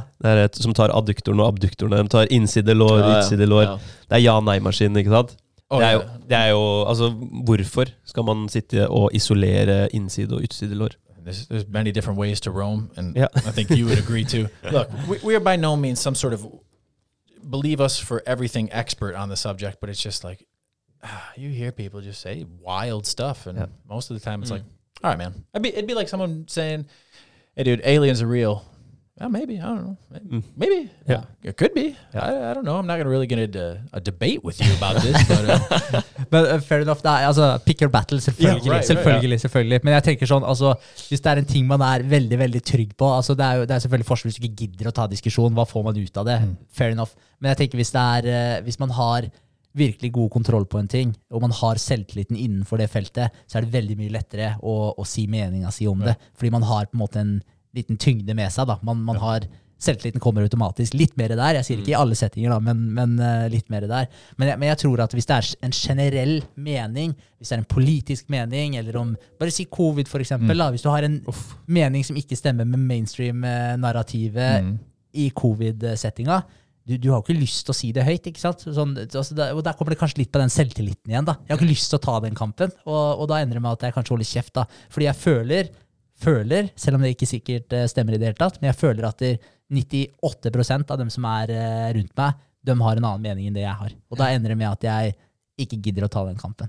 Og så blir jeg irritert på meg sjøl etterpå fordi jeg ikke gidder å si noe om det. Mm. Og det er, det er jævlig frustrerende, men jeg tror det kommer av selvtillit. yeah, Jeg, yeah, yeah. jeg, jeg tror det er det det til syvende og sist handler om. da. Dårlig selvtillit. Now, for me, part of this could be still some cowardice within me where I don't speak up, but I, I have started to think, okay, I've, I've read these books about different political stances and stuff, but you're not going to really change people's mind. You have to be very good at, mm. at speaking, and I am not that articulate. I mean, it's hard to get complex ideas out. Just like look at Jordan Peterson or any of these other high intellectuals. They're so good at what they do. They make it seem so easy. Mm. And it's like me in my car on the way here. I'm fumbling to like even get you know ideas in my head about what we're going to talk about. So I thought, I'll just I'll just show it. I'll just I'll just act it out. You know what I mean? Like for example, I am very against using the masks because there's so much contradicting yeah, information that has come out. It's like, you know what, man? I'm going to take the fucking risk. I don't believe in this. I don't want to participate in this instead of trying to convince people because that's a very uphill battle. Why would anybody believe me over what all the major news outlets are saying? I'm mm. just not going to do it. Mm. So that ended up where I'm the only person in the grocery store not wearing one. Mm. I mean, thank God it's Norway because everybody's too afraid to say anything. But, you- you Hadde det know, vært i Statene, så hadde det vært en Karen som hadde ropt etter deg. I would have been on film. I'm, I'm Where are your of it. mask? Yeah, yeah, yeah. Of course, you know, and it's like that's fine. Hey, man, I might be wrong, but uh, that's fine. Let me deal with the consequences of that. I just, I just feel like, and then that's with the the working out and the push ups and and all the other stuff that I share on the Instagram. I don't want to be a hypocrite, and I want people to follow me because the example that I'm setting. Hmm. I've seen that with coaches. I mean, do you guys play sports too growing up or Yeah. still play sports? Uh, I mean, I've had examples of very bad coaches where they could just go out there, run. Okay, well, I'll, I'll run, but I'm not going to put in that much effort. And then I had a coach who would run with us hmm. and be at the front. Hmm. Like, oh, that's a whole different experience. Okay, now I I can see somebody. I'm going to try to emulate him. You know, that's what I I would like to do within myself. Instead of trying to convince people with my words, I'll just I'll just live the life I want to live, and whoever wants to come with me, come on. Men, men jeg tror det er en veldig fin måte å gjøre det på også, for da, da, da holder du deg sann mot, eh, mot deg sjøl. Eh, og det er jo på en måte det viktigste. Da, da har du samvittigheten i din behold, og du, og du gjør det du tror på. Eh, og så er det som du sier, da, altså de andre som det kanskje smitter over på, så kan i stedet for å prøve å overbevise dem, så kan heller du gå foran som et godt eksempel, da, eh, forhåpentligvis. Eh, men, men da er det jo den eh, den gråsona igjen, da, hvor igjen noen kommer da med den kommentaren eller sier en ting som jeg er veldig uenig i. Skal man da ta den kampen, skal man ikke ta den kampen? Den sliter jeg med litt innimellom. Altså, når er det jeg skal si ifra at eh, dude, det der er jeg faktisk ikke enig i det hele tatt? Fordi jeg føler jo altså, ved å tie, så samtykker man jo. Ja, ja, ja. Ja. Og, og, jeg, og jeg, jeg kan ta et annet eksempel. Da. Hvis du sitter i et møte, så er det ofte at der, eh, sånn når man er ny i en jobb, og så tør man kanskje ikke å spørre. Man tør ikke å spørre. Det sitter ti stykker i møte, og så tør man egentlig ikke å, helt å spørre om, eh, om uh, hva det var han egentlig mente, eller hva det betyr for noe. Og så kanskje du i ett møte så, så samler du mot nok til å spørre. Så er det sånn, unnskyld, hva, hva, hva mente du der, liksom? Og så viser det seg at det er tre andre som sitter i møtet også, som er sånn Ja, ja, hva, hva Ja. mente du der? Fordi folk tør ikke å si Nei, noe. Og så sitter man og antar da at, der, eh, at der alle sammen er vet det. Det er du som er dum, og det er du som ikke har fått det med deg. Opplevd det mange ganger. Ja. ja. Eh, men det er, det er jo litt den samme settinga, liksom. Altså, når skal man si ifra? da? Fordi det kan hende at selv om du føler kanskje at du har en eh, mening som, eh, som er litt imot mainstreamen, det kan, det kan hende at det er veldig mange som faktisk har den meninga også, men som sitter akkurat som deg og ikke tør å si noe. Og da tenker jeg da hadde det vært fint å kunne gå foran som et godt eksempel og faktisk si ifra at dude, det der er jeg ikke enig i. That's a that's a great point. Yeah. Did you guys ever read uh, Gulag Archipelago? Ja, ja, ja. ja. Endelig en som har lest de. Scary book. ja, ja. Sca- scared scared the shit out of me. And I remember when you get to that part. I mean, I think it's actually in the preface where he says um, uh, something about you know the only reason that this these crimes against humanity were able to go on is because people never spoke up. No one spoke out against the lie when it was at the smallest stages, and then of course it gets harder and harder and harder as it continues to get bigger. And it's like if we all just would have spoken the truth from the start, we could have avoided all this. And I think about I think about that, and you know, not just COVID, and again, because I could be wrong about a lot of that stuff, but just in my daily life, I'm going to try to, to goal of myself to speak up a little bit more mm. about the things that I find to be true. If I'm in the right situation, again, sometimes it isn't maybe the the best place when you're in a room full of 350 people to be like, uh, hello, you know, Fair point. but Ja. um, you know, in your daily life, like don't don't just swallow the lie. Because we talked about the the inner voice. It's you get sour, man. It, it does something to you. It's like it eats up your soul. It's just even if you're wrong, you speak whatever your truth is, and I guess sort out the rest later. But I mean, you you can look at that book as a great example. Ja, den er eh, 100% Og den, den boka, altså det er heavy lesing, og du, du blir jo nesten deprimert av å lese det, for det er så sinnssykt tragisk.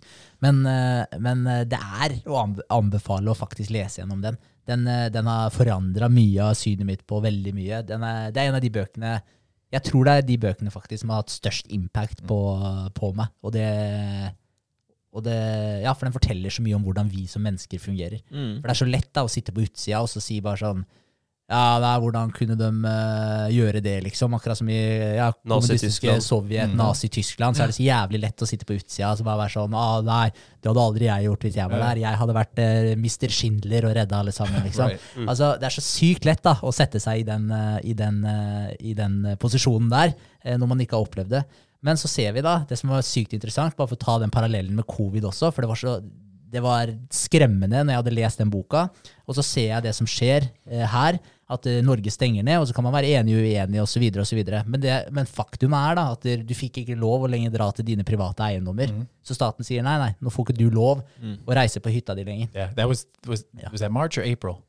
Ja, jeg husker ikke. But- men, but eh, early ja. on, and, and honestly, honestly, that's a great turning point for me too, because I thought the exact same thing. Because the first week, two weeks, I'm all on board, dude. I see the stuff that's coming out. I'm terrified too. I got a little girl at home. I'm terrified. Mm. And the moment they did that, I was like, oh, this will be used for political purposes to take power away from people.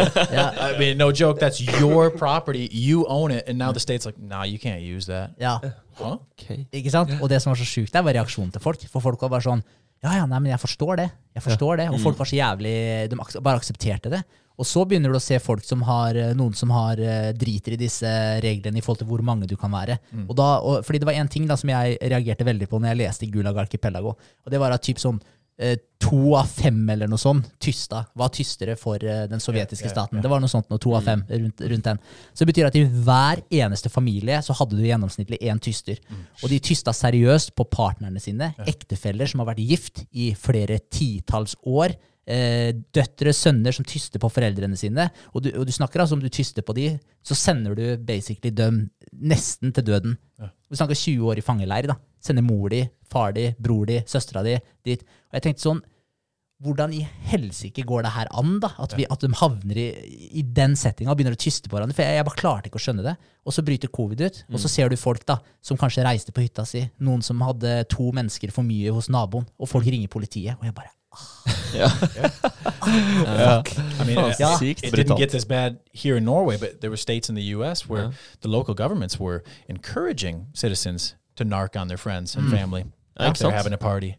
Right, and they were offering a money reward. I think it was like fifty bucks for every person you could turn in. And. Ja, that's, That's scary. I mean, it's right there on that same path. Yes. Det er en fin linje altså, mellom himmel og helvete. Det er en fin linje. Og, ja, nei, så Det var jævlig skremmende å se. Og der er det litt den her med Igjen, da. Vi, som, som du sier, det er mye lettere å si nei i starten. Selv om vi føler da, at det er vanskelig, og selv om man lar være å si det nå. Vent fem år, se hvor lett det er da. Da, er, da er du fucked. Da prøver du å si noe da, så er det ti år i fangeleir. Altså det er liksom, Så det er nå man har muligheten da, til å faktisk lære seg å si ifra. Og det merker jeg at det plager meg at jeg ikke er helt der. Det er ikke det at jeg skal være den, bare skape konflikter hele tida, men si meninga mi.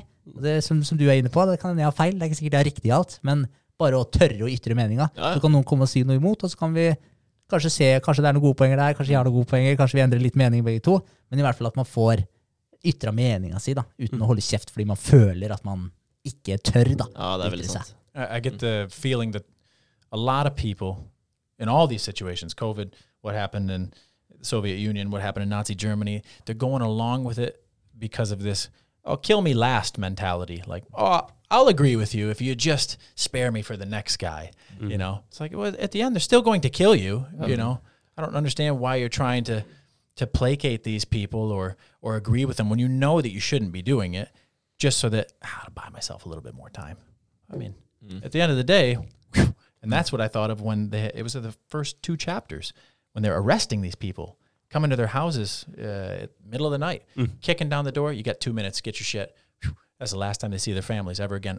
off to the gulag, whether they've done something or not, because there's there's quota systems in place. We need bodies. Yeah. Uh, But they have that phrase. It was "Show me the man, and I'll find you the crime." Mm.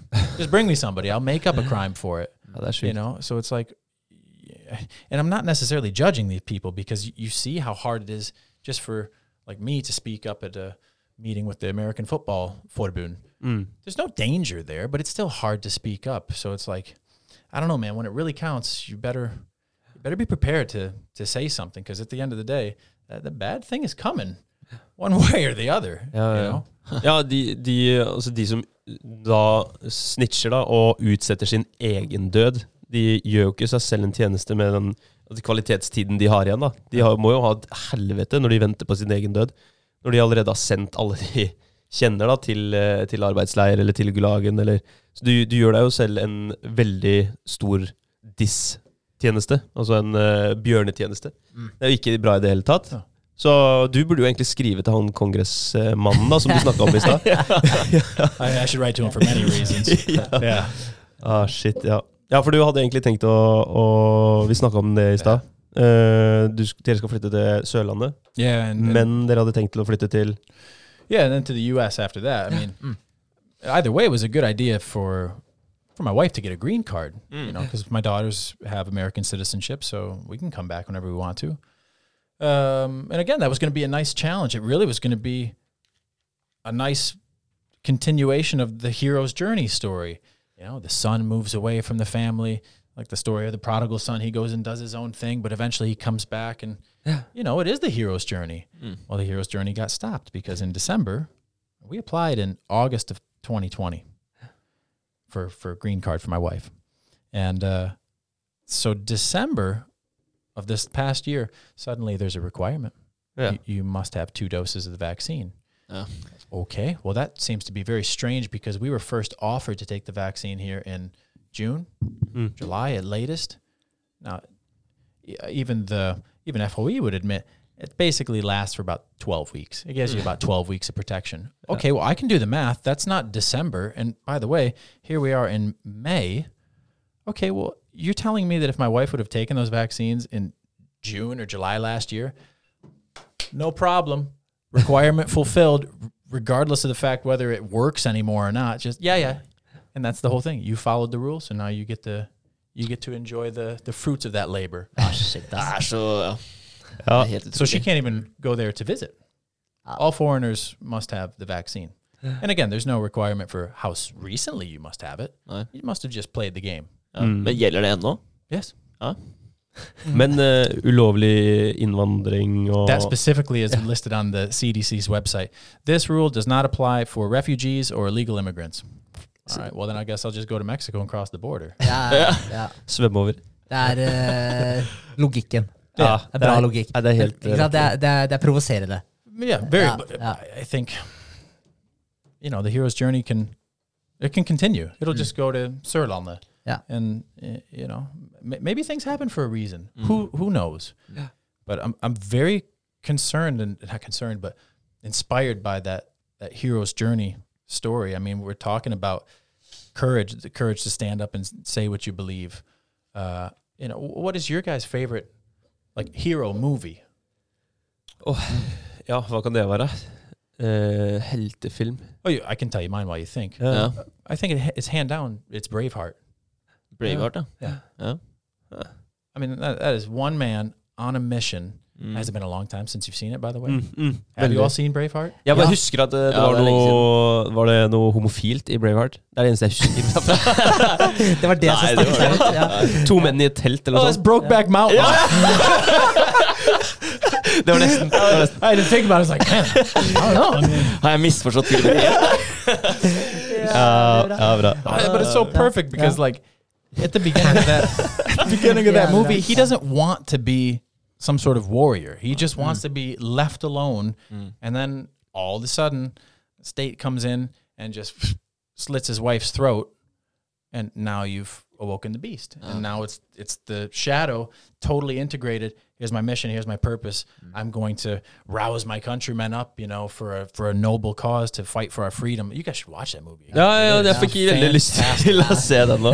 fantastic. Dritfett. Når jeg, jeg tenkte på det når du sa helt, heltefilm, altså det første jeg tenkte på, var Harry Potter. ja, ja, ja. Og det er sånn, eh, ja, den er ikke like hardcore sånn sett, det er litt mer eh, barne, barnefilm, men det er samme det, heltestoryen. Harry Potter, det er samme der òg. Oppnår altså kontroversen. Han har ikke lyst til å være noen helt, men han eh, også blir nødt til å deale med skyggen sin, Voldemort, den onde sida, og faktisk eh, ja, ta den uh, hero's journey. Yeah. Så, så det er jo samme, samme prinsippet der også. Men det var første som slo meg, Harry Potter. Ja, ja. Men uh, Men han må jo fighte med seg sjøl, da. For han er jo faktisk på vei til å tro at han kommer til å bli ond. Ja. Og så må han komme seg tilbake til den gode siden. da Mm. ja, Så det, han jobber veldig med seg sjøl der. Ja, og det er jo et veldig godt eksempel også, da, på at det- på, du, alle, alle sammen har Voldemort Mm. som en del av deg. da, Ja. den, den skyggen. Altså du, du har den onde siden av deg, så du må jobbe for å få den gode delen til å vinne. da, Basically få kontroll da, på den onde, den onde delen. Men, uh, men ja, men det er de filmene der, den der helte, heltestoryen som du er inne på. Lord of the Rings is another great example. Ja, ja, that. 100 yeah. Ja. You got a movie? Nei, jeg tror ikke jeg har en eh, Jeg kommer på en film. jeg. Jeg tror jeg, Harry Potter Det var Marvel som poppa opp fremst, for det er det jeg har sett but, uh, eh, yeah, 'cause senest. you're hero. Yeah, and that too. But like, uh, I mean, I guess the main reason why I asked that is there's a reason why that stuff is so popular, and, and to just. I don't know to, to throw it away and be like uh, you know society says oh we, we don't need we don't need masculine men we don't need to have these old virtues or anything it's like you say that but look at the box office films look what's really you know setting records mm. Mm. it's those types of movies so uh, people, whether they're aware of it or not, most likely they're, they're not aware of it. They're drawn to those messages of virtue, of heroism, of courage, mm. you know, because everybody has it within them.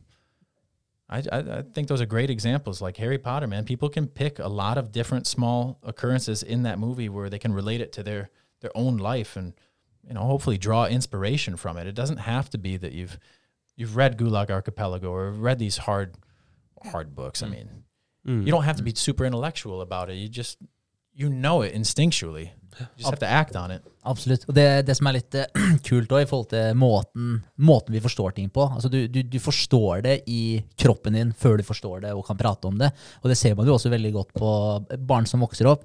Hvis du ser på eh, små unger som liksom leker familie, og du ser en, eh, en, eh, en eh, kanskje en fem år gammel jente da, som leker mor, og representerer hva en mor er. Hvis du spør den eh, jenta hva, hva en mor faktisk er, om hun kan på en måte definere hva en mamma er, så har hun ikke sjans, fordi hun klarer ikke å artikulere det, men hun klarer å leve det ut. Så hun vet det kroppslig hva det vil si å være en mor, fordi hun har sett moren sin alt det hun gjør, så hun klarer å leve det ut, men hun klarer ikke å artikulere det. Og det, og det forteller jo bare at vi forstår ting i hva skal jeg si, du forstår det i kroppen først, da, før du Altså det med å klare å artikulere en ting, det er på en måte et av de siste stegene i å virkelig forstå en ting. Da har du på en måte mestra den tingen, hvis du klarer å artikulere den tingen og forklare det og lære det bort til noen andre. Men mange steg før det her, så er det jo det å faktisk eh, forstå det i kroppen.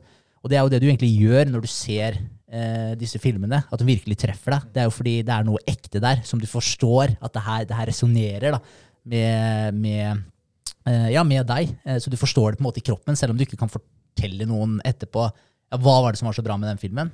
Jeg vet ikke. Den var bare jævlig bra. Ja. Og hvorfor? Jo, fordi du, du føler at den er bra. Den treffer deg, den resonnerer med deg. Du kjenner at det er ekte. Og der har du forskjellen på propaganda igjen. Fordi det er, det er, det er så overfladisk. Da. Det er ikke noe dybde der. ikke sant? Du merker at det her det, det er bare et eller annet som er feil. Da. Det resonnerer ikke. Og, og det er bullshit. Og derfor treffer Without ikke de filmene. to actually explain it, you, you feel it. Yes. Yeah, yeah. Ja.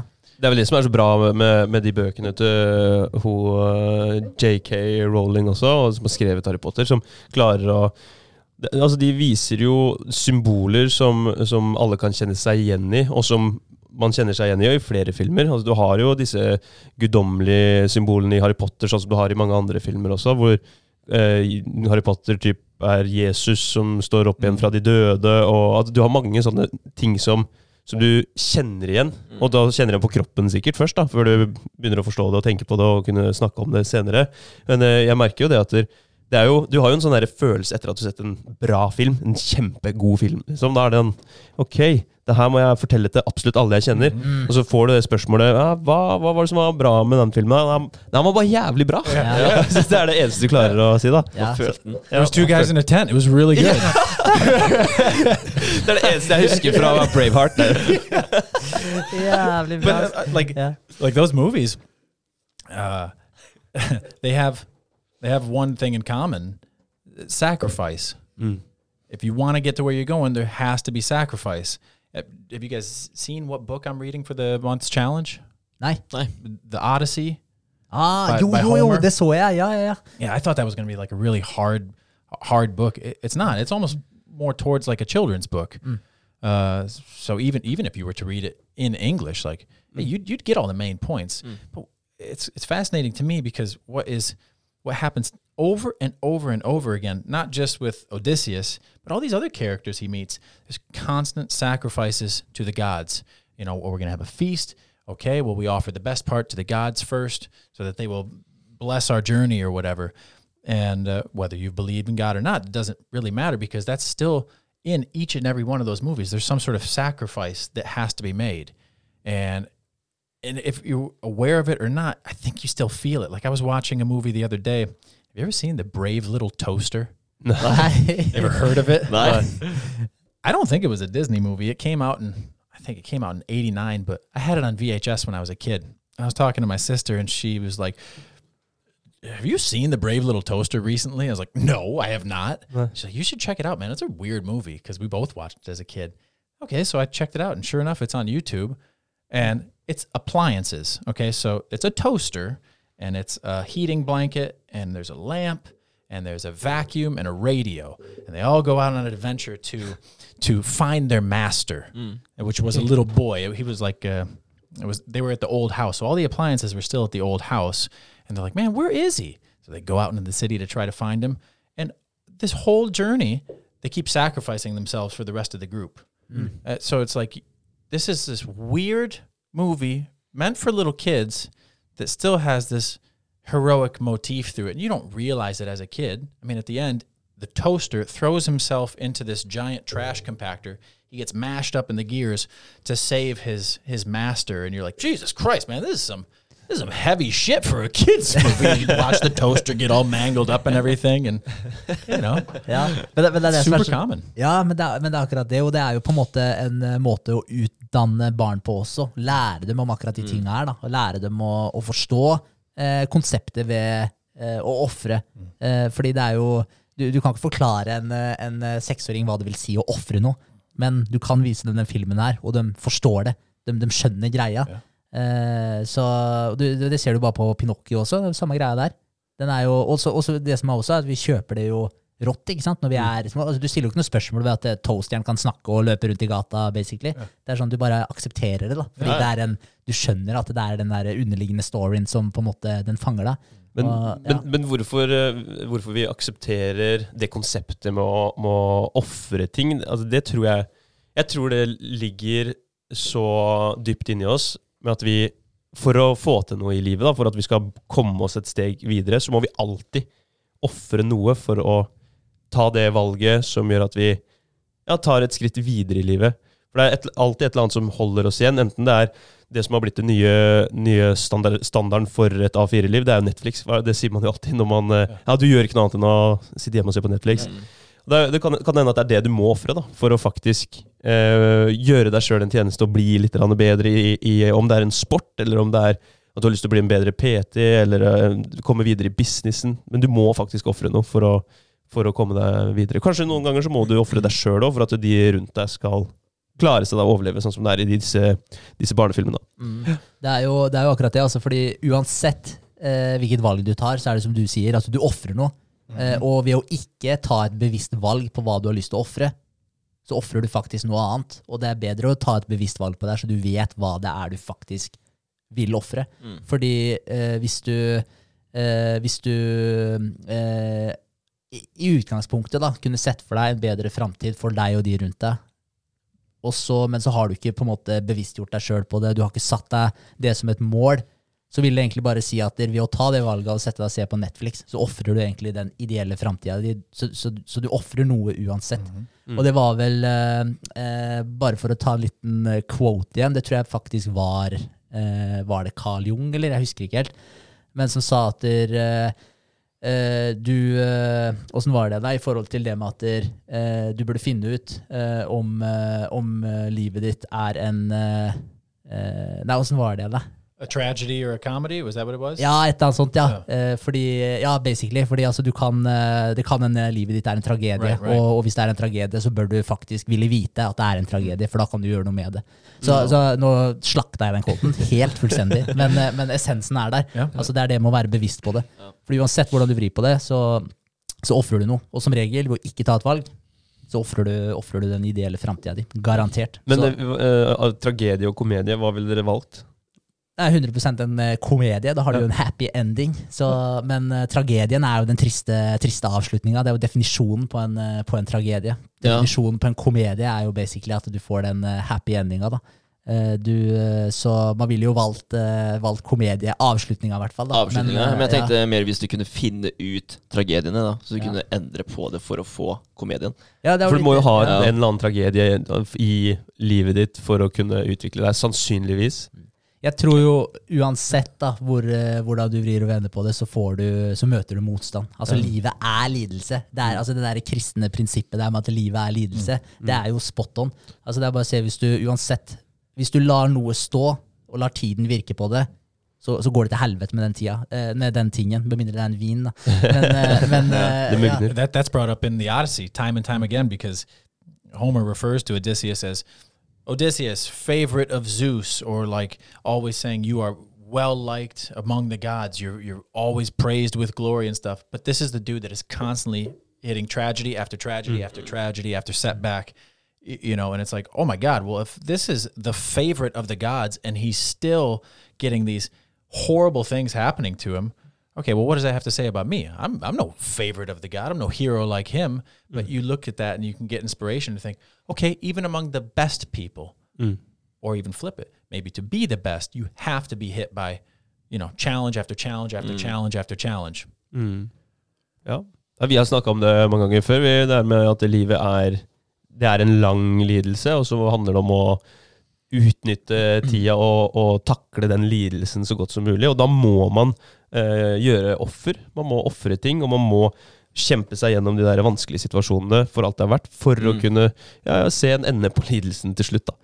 Så, Det handler om hvordan du løser problemet, da. Hvordan du facer motstand. Det er jo det det handler om. Ja, head on eh, er jo ofte mm, løsningen, men det er løsningen mange ikke har lyst til å, å bruke. Se på trening. Ehm, jeg skal Ja, jeg har lyst til å bli sterkere. Eh, jeg har lyst til å bli sterkere i, i beina. Og så vet eh, alle som kan litt om trening, at da bør du løfte med beina. Og helst eh, løfte og bruke flere ledd samtidig. Eh, så typen knebøy da, hadde vært veldig lurt. Og så er det sånn ah, men jeg har, jeg har vondt i kneet. Ok, ja, men eh, da kan vi gjøre en annen variant av knebøyen. Du trenger ikke å sette, sette deg så dypt ned, eller du kan gjøre ditt, gjøre datt. Ja, men eh, jeg har fortsatt altfor vondt i kneet. Jeg må gjøre en annen øvelse. Man går alltid rundt problemet, så man bytter ut det som faktisk drar deg mot målet, Mm. mot noe som ikke hjelper deg mot målet ditt i det hele tatt. Det kanskje gjør vondt verre, da, hvis ikke du finner en løsning på det. Du bare jobber rundt det hele tiden. Så head on, det tror jeg kan være, være i, I de fleste tilfeller så er det strategien, da. Ja, altså i, i forhold til eh, problemløsning og å bli god på å deale med problemer, ja ok, men da må du faktisk deale med problemer. Det er ikke sånn at hvis du aldri har opplevd et problem i hele ditt liv, og så brått støter du et problem, og så vet du nøyaktig hvordan du skal løse det. Det kommer jo av prøving og feiling opp gjennom hele tiden. Så det er jo reps der, akkurat som med treninga, så er det jo reps i å feile. Så det er, det er, og det er jo en annen ting tilbake til skolen. Da. Så du blir lært at du, du skal ikke feile, for feiler du, så, så er du en failure. Da får du karakteren F, og, og, og du er en failure. Så, så du skal ikke feile der, og du får én test til å klare det på. Så, så det er, altså, skolen er jo egentlig hva heter det, antitesen til livet generelt. Ja. Og livet er fullt av prøver. Du får mange nye forsøk. Og klarer du på en måte én av dem, så kan det hende du lykkes. Ja, Altså, kanskje det det er det som har eh, Unnskyld, men kanskje det er det som har brent seg inn i hodet da, på de som eh, faktisk nekter å åpne posten sin til slutt. At uh, de har begynt ja. å feile, og da har du feila, så er det ikke noe vits å prøve noe mer. da. Ja, godt Ja. poeng. Det, det kan godt hende. Så, så det er jo viktig den der å øve på det, ikke, ikke, ikke hva skal jeg si, bryte seg ned da, når, du, når du faktisk eh, møter på de problemene, og heller eh, slutt, altså det er offer, det stammer tilbake til offeret. Ja, ja, Ja, det er den offerrollen. Ikke ta på deg offerrollen. Altså, du er ansvarlig for uh, utfallet av livet ditt. Altså, du tenker at du er Altså, du har offer på ene sida, og så har du å være ansvarlig for alt. da, Ta ansvar for alt på andre sida. Og, og det er sånn, ofte så, man, så, så velger man liksom sånn Nei, nå kan jeg ta ansvar, nå kan jeg være et offer. Og så tar du egentlig bare og danser litt imellom de.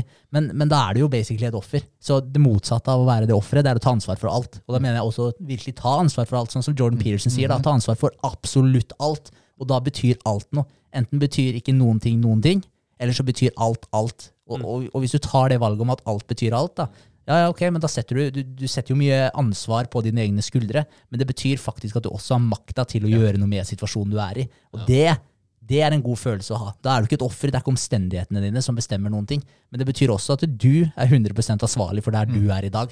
Da kan du ikke skylde på noen andre. Du kan ikke skylde på oppveksten din eller en uh, mor som ikke ville la deg slippe uh, ut av armene hennes. Altså, Nei, nei, alt er deg hele Ja. veien. Og hvis ikke du er fornøyd med der du er i dag, nei, ok, men start i morgen. Start i dag, start i kveld med å, å faktisk eh, begynne å, å trå i den retningen som du ønsker å, å, å gå i. Responsibility for everything. Bitcoin. That was another fantastic episode you guys had. Yeah. Dr. Ula. Ja, Oh, yeah, that was the first one I listened to. I was like, oh, they got a Bitcoin guy on here. I'm going to listen to this. And I, I do think that, you know, whatever people, well, most people don't know what Bitcoin is. They don't understand. I was one of those people just, you know, six months ago or a year ago until I read that Bitcoin standard book. And then you really start to get a, at least a base understanding.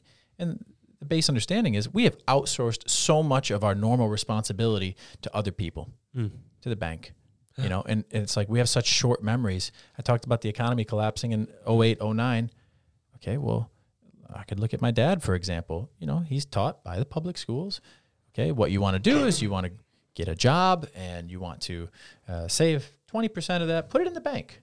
May- Maybe you save some in like a stocks or, or bonds or whatever, but mostly put it in the bank and you'll get interest on it.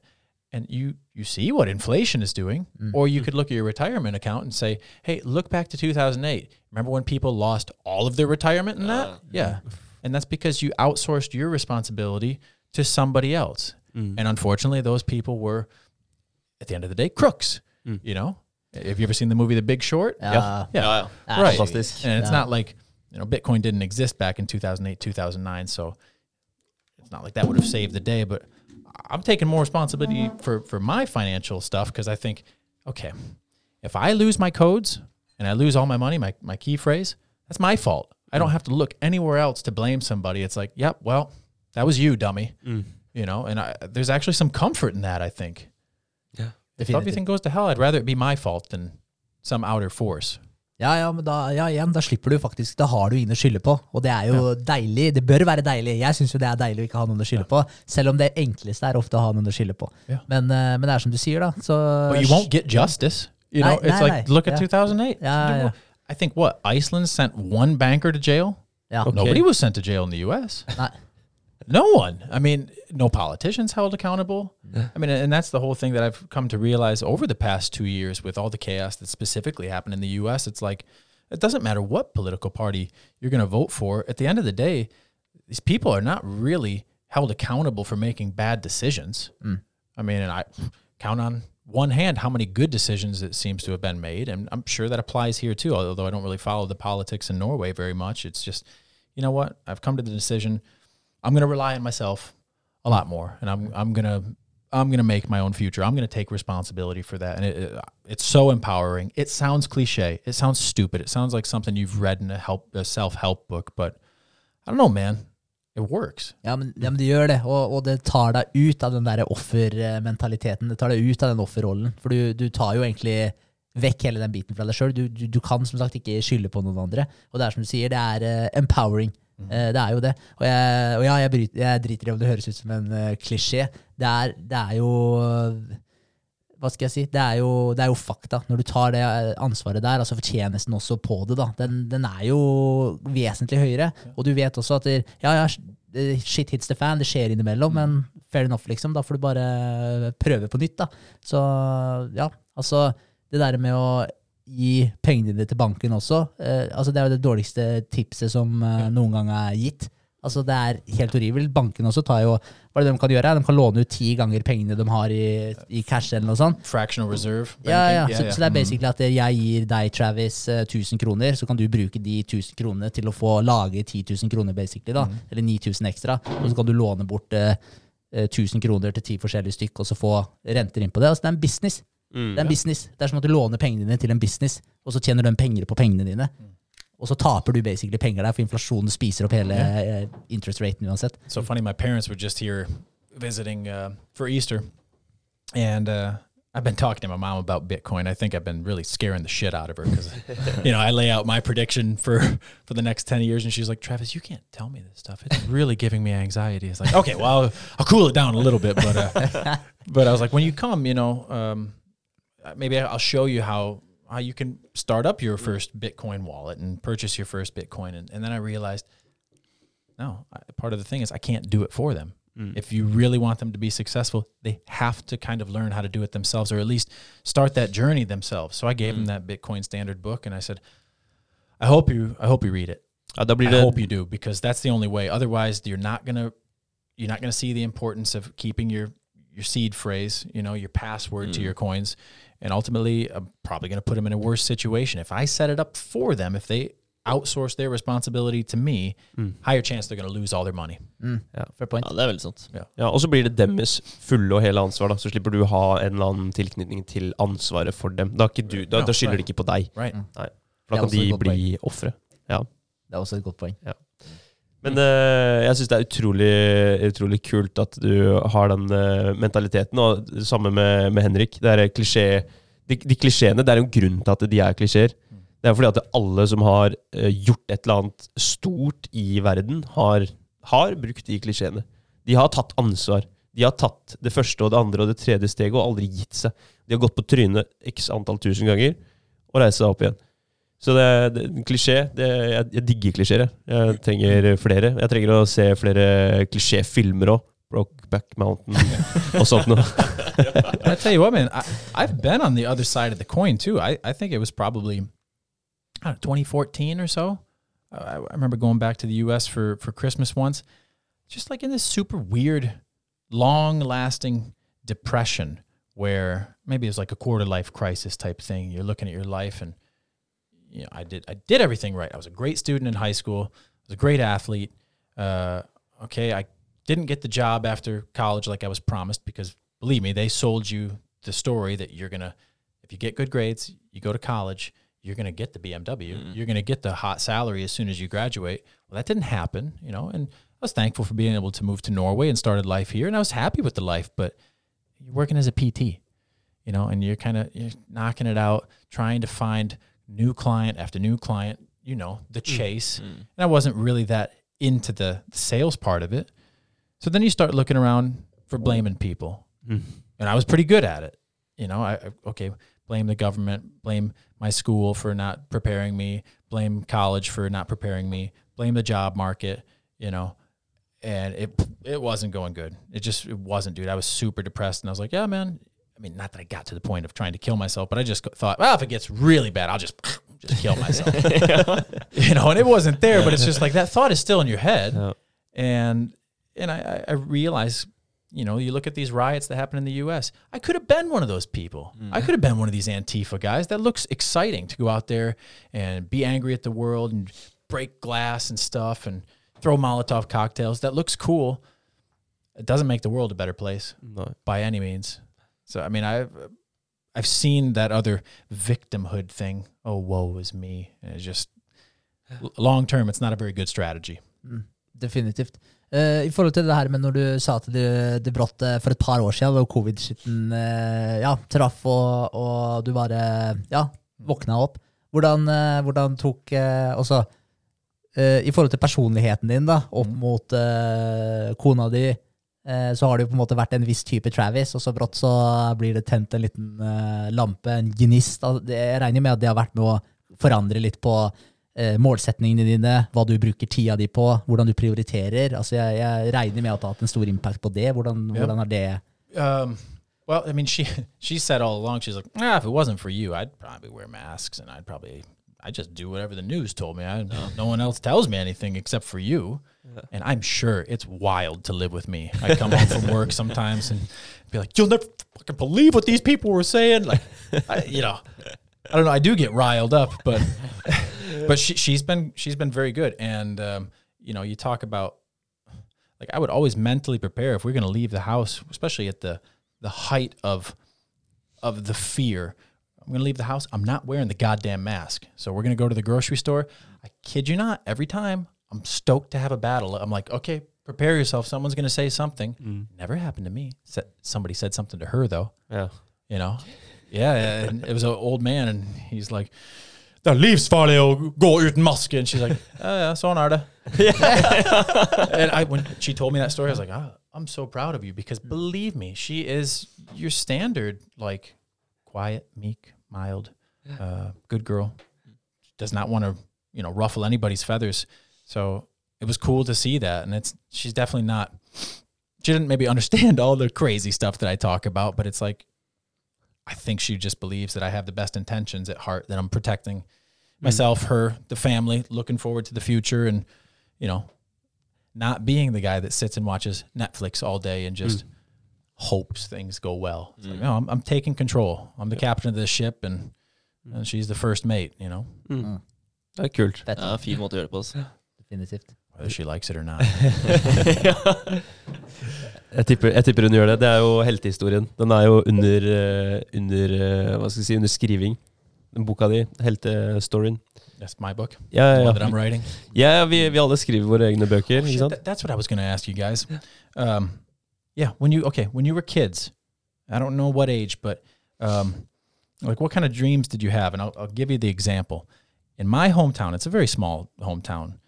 There's a a little sign as you enter the city limits, and it says uh, Brooklyn, hometown of Vivian Kellogg. And you're like, who the hell was Vivian Kellogg? Oh, it was an old lady that played baseball when all the soldiers were at war. Because they, you know, have you ever seen the movie uh, A League of Their Own? Nei. Ah, jeg tror det. there was no more um, Major League Baseball because all of the fighting men were shipped over to Europe or to you know the Pacific to fight. So the people at home still needed entertainment, so they formed a league with women. So one of the ladies in my town, she was in that league. Mm-hmm. Claim to fame for Brooklyn, and I've always had this thought like.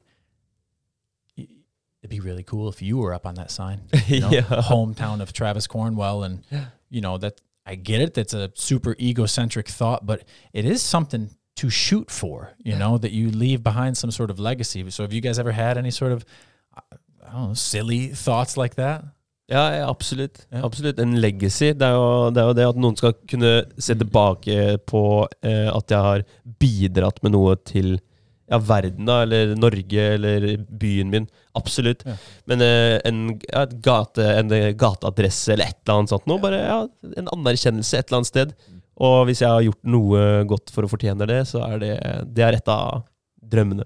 Mm. Ja, jeg, bare altså, jeg har hatt mye sånn der uh, Mye forskjellig, egentlig. Altså, sånn der, jeg har ikke hatt én sånn Det er det jeg har lyst til å oppnå, da. Men jeg, jeg tenkte alltid sånn Først var det den der typiske guttedrømmen. Ah, jeg skal bli profesjonell fotballspiller. Den Mm. typiske der. Og så ble det egentlig mer- litt mer sånn der uh, jeg har lyst til å få en fet jobb, da. Bli sånn type advokat eller operasjonslege eller et eller annet sånt.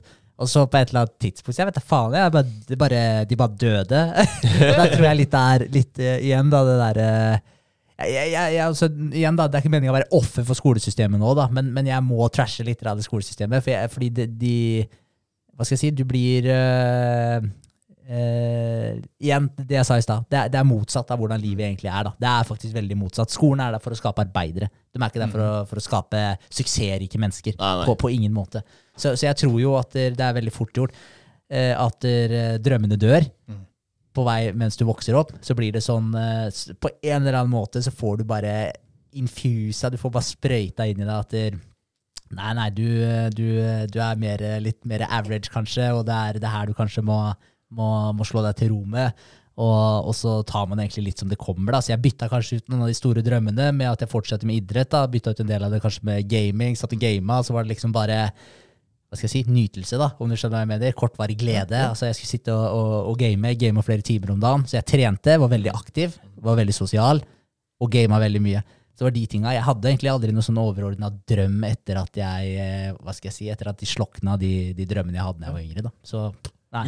Yeah, but it, and it's not like I had focused on that year after year was reminded on that goal weekly, but it just popped in my head as I was driving here, like just the innocent dreams of a kid. Mm. And how quickly they're crushed. Ah, ja, mm. You know, or or you forget about them, or you're like, ah, I'll rationalize it. It's not that important, but well, it is important. And mm. I don't know if it was Jordan Peterson or somebody else he was talking about, but they were saying that you, you really want to be able to come back to who you were as a kid because that there's a lot of truth in that childhood wonder and and creativity. Like yeah okay you might have to slave through some of this make some of these sacrifices and go through some of these troubles and stuff but ultimately you'd like to be an older man to be able to come back to some of that joy creativity uh, yeah hope that you had as a kid. Otherwise maybe you're just some sort of nasty negative nancy the rest of your life. I i, I don't know but it, it's just cool to think about those those old dreams that you had. De- definitivt. Jeg Det, føler ja, unnskyld. Ja, jeg føler kanskje at den setninga da er eh, ganske viktig for meg. Altså hva folk uh, sier hvis de skal fortelle hvem er Vegard. da. Ja, den setninga du Ja. får da. Altså at, ja, at jeg er en hardtarbeidende fyr da, som prøver så godt jeg kan, liksom. Eller om jeg, om jeg er en skiperson da, som aldri gidder å gjøre noen ting. Altså Den setninga der da, den føler jeg er ganske viktig. Mm. Eh, beskrive hvem du er som person. Ja, når du, når du havner i eh, som samtaleemne, på en måte. Ja. Noen, ja, 'Hvem er Vegard igjen, da? Dulund?' Ja, altså, han er en uh, superhyggelig fyr som alltid leverer varene, og han jobber på for å skape en uh, business. Han jobber Ja. etter drømmene sine. Å få den istedenfor ja, 'Jeg tror han uh, chiller'n med oss'. Ja, Ja, den er, ja. Men det er en stor forskjell her, da. Det er en stor forskjell her. Ja, det er det. Ja. Eh, Jeg hørte en eh, veldig bra eh, Det var Ed Milet. Har dere hørt, eh, hørt han? so Ja, den er ja, businessfyr, da. Og atlet. Han er ja, high performer Mm. sånn til de grader. Og han sa at det han ser for seg Han ser for seg at når han, når han dør, så kommer han opp til himmelen, eh, og så står basically Gud der, eh, og så står eh, den han kunne ha vært ved siden av that's at the end of Gargans' book Ja, det er det? yeah yeah, ja, but, but yeah. so he maybe he got the idea from that guy Kanskje, kanskje. Yeah. Det er mulig. Men, eh, men det er så jævlig bra. Så, så han sier at han ser for seg det, og så at han kommer opp der, og så bare ser han hva han kunne ha blitt. da. Og da er det sånn derre Han har lyst basically da, å kunne gi en knuckle til han, liksom, og bare sånn Ja, fuck it, det her, det her gikk bra, liksom. liksom. I stedet for å komme opp der, og så er det bare sånn Shit, kunne jeg ha fått til det der? Ja. For, for uh, jeg, jeg vet da fader liksom når drømmene på en måte begynte å dø, og når man ble eh, hva skal jeg si, ble en av de søvne, for å kalle det det, en av søvnene i flokken, Uh, til uh, når det våkna. Jeg vet da faen når det, når det der, eh, når den ilden der ble tent igjen. For nå, nå tenker jeg seriøst at jeg kan få til hva som helst. Ja. Og bare sånn ett steg av gangen, og, og bare ha et enormt mål, da, og så, og så jobbe mot det, sakte, men sikkert. Og så er det sånn, ja, kanskje du skyter altfor høyt, men altså, fuck it da, hvis du klarer 40 hvis du klarer 50% da, så er det sinnssykt mye lengre enn jeg hadde kommet som den der søvn som skulle følge flokken. Så Dude, one thing that helped me a lot was uh, doing Jordan Peterson's uh, self-authoring program, mm, doing the the past authoring. That's fantastic, man. It it, it is kind of like you you become your own therapist in a way. It- what it does is it sets your life. You have to split your life up into like six epochs or something. So you could say from uh, zero to before first grade. Mm. What are some of your major memories from that? Probably not many, you know, but you write them down, top three or whatever. And then it's, and you can choose where you want to split it up. So maybe you do uh, five to, maybe you do all of school. It doesn't matter. You pick.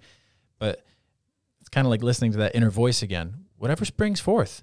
I mean, what was the memory from that key thing, whether it's good or bad? I mean, I had one memory where I'm probably in junior high, and uh, the day before this happened, I was playing American football in the backyard with some friends at the park. And I tackled a kid. He was a grade older than me. He was not bigger than me.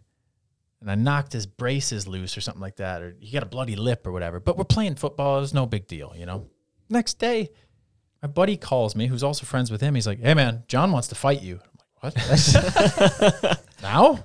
He's like, yeah, man, he's at the park waiting for you. I was like, well, okay. Uh, you know, and then you get like this, the anxiety sets in and you're like, I mean, I even remember thinking at the time, I could take this motherfucker. This is no problem. But what would the school say? Ja. There's a zero tolerance for fighting. Yeah. You're going to get kicked out of school. And it's like, okay, well, even though this isn't on school grounds or anything, So I, I back out of that. Haunts me for years, mm-hmm. for years, for years.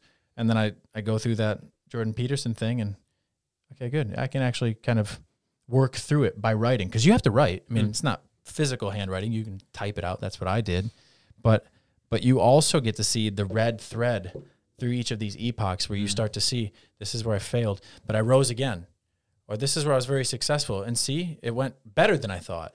Mm. So you, you do get to build confidence. And I'm sure no matter what your life was like, you'll be able to write that story. You'll be able to have the overarching theme of I'm getting better, I'm getting better. Or if you're not, well then you can change it now. It it was a fantastic exercise to do. Oh, good tips. Uh, really, it's, it's like 25 bucks. Yeah. You know, we spent 25 bucks on worse things. Yeah. Definitivt. Ja, Ja, jeg, jeg har kjørt den sjøl, men jeg, gjorde ikke, jeg tok past authoring, men jeg tok ikke present og future authoring. Så jeg, så jeg tok bare den eh, past authoring. I didn't do Men, the uh, present one either. Nei.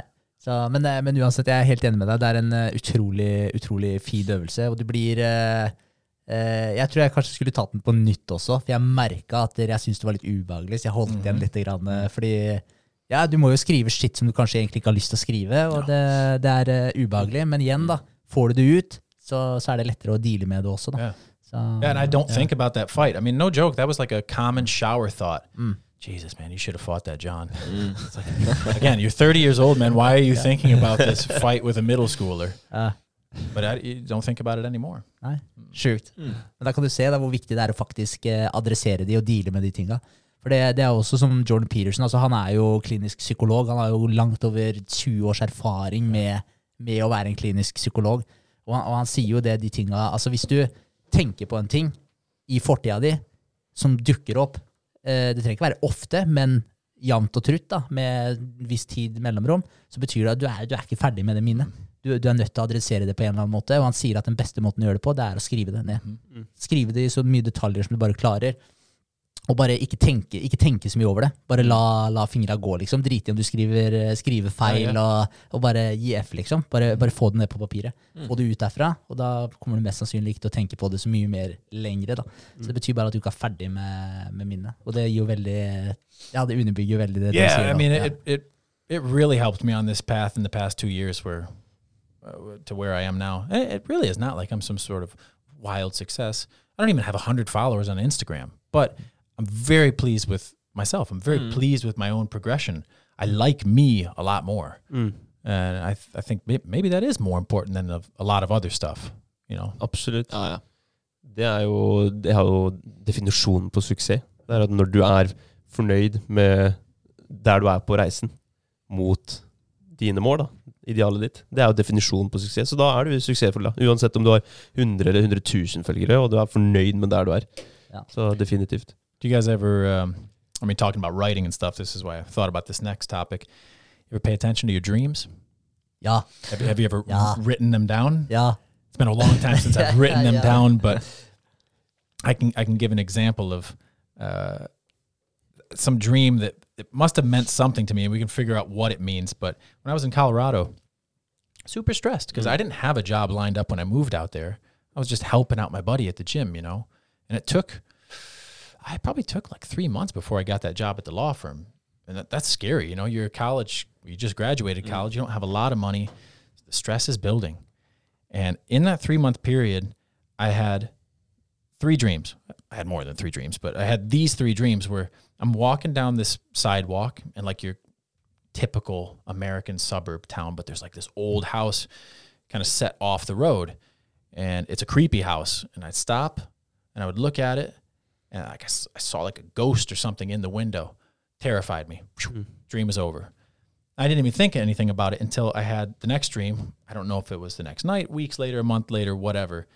Boom, same house. I'm out in hmm. front of it, but I've seen it before. So now I have the courage to walk up to the door, and I get to the door and I'm about to open it, hmm. and I get the feeling that there's a ghost on the other side. It scares me, and I, I don't go in, and I wake up. And then the third one, I get the confidence to finally go inside, and well, there's no ghost in there, and I explore the house, and I mean, very weird though, because it's like I'm not in control of these dreams. Even when I'm in the dream, I don't remember being like, I've been here before. But you think about it later, and you know, what what is that? What is happening when you're sleeping? Your brain is clearly doing something to help you work through some of these issues. Mm, definitivt. Jeg hadde, jeg hadde en eh, case Altså, jeg har eh, holdt på med bryting lenge, eh, og, og drev med det i mange år. Og så slutta jeg på bryting. eh, og så jeg, jeg husker ikke hva settinga var. Det kan godt hende det var i forbindelse med da jeg fikk kyssesyken eller et eller annet, da, og jeg ikke kunne trene på, på flere måneder og ble liksom ute av form. Og, og så begynte jeg å få drømmer om at jeg havna i slåsskamper, og, og jeg klarte ikke å slå. Det var akkurat som at jeg bare slo gjennom gjørme, liksom. Jeg, bare, jeg brukte masse krefter, men jeg hadde ikke kjangs, da. Prøvde å rope, og det, bare, det kom ikke noe lyd. Det var sjukt frustrerende. Jeg våkna og var dritsinna, ikke sant? for jeg hadde ikke fått ut noe frustrasjon i, i drømmene. Og jeg kunne ha de drømmene her ofte, mange ganger. Det ble nesten sånn eh, vanlig at jeg hadde, hadde de drømmene. Det var sykt irriterende. Og så begynte jeg på bryting igjen noen eh, måneder etterpå. Og jeg, det var ikke mange brytetreninger jeg hadde. og bare Drømmene var borte. Og så hadde jeg én sånn type drøm senere. Og jeg husker jeg havna i en fight, da, og jeg bare grisehjula den jævelen. Og det bare jeg våkna etterpå og var sånn Å, fy faen, det er deilig, liksom. Det, det var helt sykt. da, Og det bare jeg ble kvitt all den der, den der frustrasjonen da, som jeg bare hadde bygd opp innvendig. Og det var 100 at eh, når jeg slutta på brytinga, så begynte jeg å tvile kanskje litt på meg sjøl. Okay, hva skjer hvis jeg havner i en setting nå da, hvor jeg blir nødt til å forsvare meg sjøl? Klarer jeg det? Klarer jeg det ikke? Jeg begynte å tvile på meg sjøl. Og, og de greiene her, det kom opp i, i drømmene mine. Helt uh, sinnssykt. Så jeg tror ikke drømmer er ikke random. Overhodet ikke. Nei. I mean, have you have you ever had a lucid dream? Ja. Ja, hvor du kan siden. ta kontrollen, ja. Yeah. ja. Jeg har faktisk hatt det. How did you get to it? Jeg, jeg aner egentlig ikke. Jeg, jeg prøvde jo en periode å, å få meg sjøl til å for jeg, jeg tror det var Henrik som ga meg tips om å, å lage et sånt type signal til deg sjøl gjennom dagen. At du gjør én spesifikk handling gjennom dagen som du kan kjenne igjen når du drømmer. Så det var Jeg lurer på om det var å, å tappe fingrene på hverandre eller noe sånt. Jeg gjorde det gjennom dagen. Og i drømmen, så, så hvis du gjorde det samme Eh, og fingrene, du så fingrene forsvant igjennom hverandre, på en måte, og så skjønte du at ok, faen, det, ikke- det her er ikke ekte. Nå er jeg i en drøm. Og jeg husker, jeg husker tydelig drømmen. da, Det var at jeg sto på en veranda i Aremark, hvor jeg er fra. Det var familietreff, og alt var veldig hyggelig. Og så plutselig så er det et eller annet som skjer nede ved vannet, og da er det noen som uh, faller uti. da. Og da kunne jeg, istedenfor å bruke tid på å uh, løpe ned dit, så kunne jeg bare stupe ned. Jeg kunne fly. Og det var utrolig kult. Bare sveve av gårde og kunne være ja, superhelten da, i min Ja. egen drøm. Så det var helt, uh, helt eh, sinnssykt. Og det, det er jo en fin variant av en sånn type drøm, men så har du de derre eh, drømmescenarioene som er litt skumle, som eh, også har en mening med å egentlig bare fortelle deg at du ikke har det bra, og du vil, vil eh, vekke deg til virkeligheten da, med å deale med problemene dine. Sånn, type, når du var veldig stressa, når du bodde i Statene, så mener jeg du har fortalt meg en gang at du har hatt en sånn eh, søvnparalyse. Ja. Ja. Det hadde jeg også en gang, og det var, eh, da var jeg også stressa. ikke sant? Og da sovna jeg på et tidspunkt jeg ikke pleide å sove. Jeg sov på et sted eh, som jeg, Jo, jeg sov i senga, men på et tidspunkt jeg ikke pleide å sove. Mm. Og, og kroppen var ikke Eller hodet, da. Var ikke helt eh, fornøyd. Så motorfunksjoner funksjoner skrudd av. Søvnparalyse opplever noe forferdelige greier fordi at der, hjernen vil at du skal Ja, våkne igjen. da You didn't know that when you were having the dream. Nei, nei, nei. Skummelt. Ja, Veldig utrolig skummelt. vemmelig. Det er det. Jeg har hatt det noen ganger, og det er, eh, det er, det er skummelt. Det er det. Du blir ordentlig redd. Og du ser, jeg, ser, jeg har alltid sett den samme figuren da, hver gang. En skygge som kommer inn. Old hag. Did you? Yeah, yeah, that. Yeah, because that's what it was. It, it wasn't on my chest. Yeah. In my dream, the lady was next to me in the bed, and I didn't look at her because I was like, if I look at this bitch, I'm gonna have a heart attack for sure. Because she she felt like she was like 90 years old, like a skeleton, and she was. So I'm on my back, and she's whispering into my ear just nonsense, like. Å, fy faen. And I'm trying to scream out to my roommate, like Brian, yeah you know. And I, but anyway, so I had to search up old lady dream, and it was the old, Old hag hag. syndrome. W- Was yours like a? Ja, altså, på meg så kom hun listende inn eh, døra Ja. på soverommet. Eh, og jeg klarte ikke å bevege meg, så jeg så jo bare på. Så krabba opp i senga og begynte å kvele meg. da Til jeg til slutt klarte å Jeg skrek jo, da. til slutt Så jeg var redd for at jeg skulle vekke naboen. For jeg har jo en tomannsbolig her, så jeg bor nabo ved siden. Så jeg hyla jo. Ja, det er skummelt, ass. Så det, nei, det er skummelt. Det er det. Jeg tror kanskje jeg har opplevd det to-tre ganger, og etter det så har det aldri skjedd noe mer. Nei. Yeah. Jævlig. Ja. Ja, jeg har hørt at liksom, eller sånn, sånn der, eh, frase Jeg har aldri opplevd, eh, opplevd søvnparalyse, og takk Gud for det. Eh, men jeg leste en sånn frase Du har ikke vært redd før du har opplevd en søvnparalyse. Oh, yeah. ja. Uh, did you guys ever see that documentary that was on Netflix called The Nightmare? No. Nei. Oh, it's a documentary that follows, I don't know, like six people that have them constantly. Oi. Oh, nice. Okay. Oh yeah, man, and it's crazy to me because these people, they, they all, and of course it could be all fake because it's a movie. You don't know if they're just making this story up, but these people are all seeing the same thing, and for them it was all always this like shadowy man with red eyes or whatever, and, and you're just like, what the fuck is that? Yeah. man? If everybody's having the same type of figure character that they're meeting in their dreams, Nei, det er spesielt. Yeah, strange stuff. That, Ja, ja. that was a creepy movie. Men, men drømmer eh, generelt da, er, jo, er jo litt freaky. Det er så mye som man ikke, ikke forstår med det. Eh, Jeg hadde også en sånn der creepy drømmeopplevelse en gang. Altså, det var når jeg drev og skrev ned drømmene. Det som er dritfett da med å skrive ned drømmene sine, er at der, eh, når du får en rutine på å skrive det ned, så husker du dem. Du husker Ja. dem utrolig godt. da, Veldig sånn levende bilde av drømmen. Og ikke bare det, da. Etter hvert så husker du drømmene dine mye bedre, selv om du ikke skriver dem ned òg. Så generelt da, så klarer du å, huske mye mer av drømmene. Så jeg syns det var dritkult. da, analyserte drømmene mine dagen etter og søkte opp litt hva ting betyr osv. Så, videre. så husker jeg skrev ned en drøm. Det var en jævlig creepy drøm. Det var sånn, det var typ eh, mareritt. liksom, At det var en fyr med en sånn nasty maske da, som drev og hånta meg. Og jeg hadde skrevet ned den i, i bra detaljer. Eh, og så sa jeg til eh, kompisen min, at, jeg, at eh, Tormod, da, at jeg hadde en, hatt en sånn jævlig fucka drøm. Eh, og så sa han eh, ah, få lese den her, for han visste at jeg drev og skrev det Mm. og, så, og så ga jeg telefonen til han, og han bare å, fy faen, han her drømte jeg om Oh for to God. dager siden. så, jeg, ikke så, så det var to dager forskjell da, på drømmene våre. Da. Men da sa det er han duden her liksom, som jeg drømte om òg. Det var samme maska, og sånn som, akkurat sånn som jeg hadde beskrevet det. Så det er, eh, det er noe freaky shit med de drømmene. Yeah, man, but Yeah. uh, again, that's kind of interesting because you know, modern man with technology and stuff like with TV, I guarantee you, people dreamed vivid, wild dreams mm. prior to the TV. Mm. Guarantee it because you had to kind of make up your own images in your head. Mm.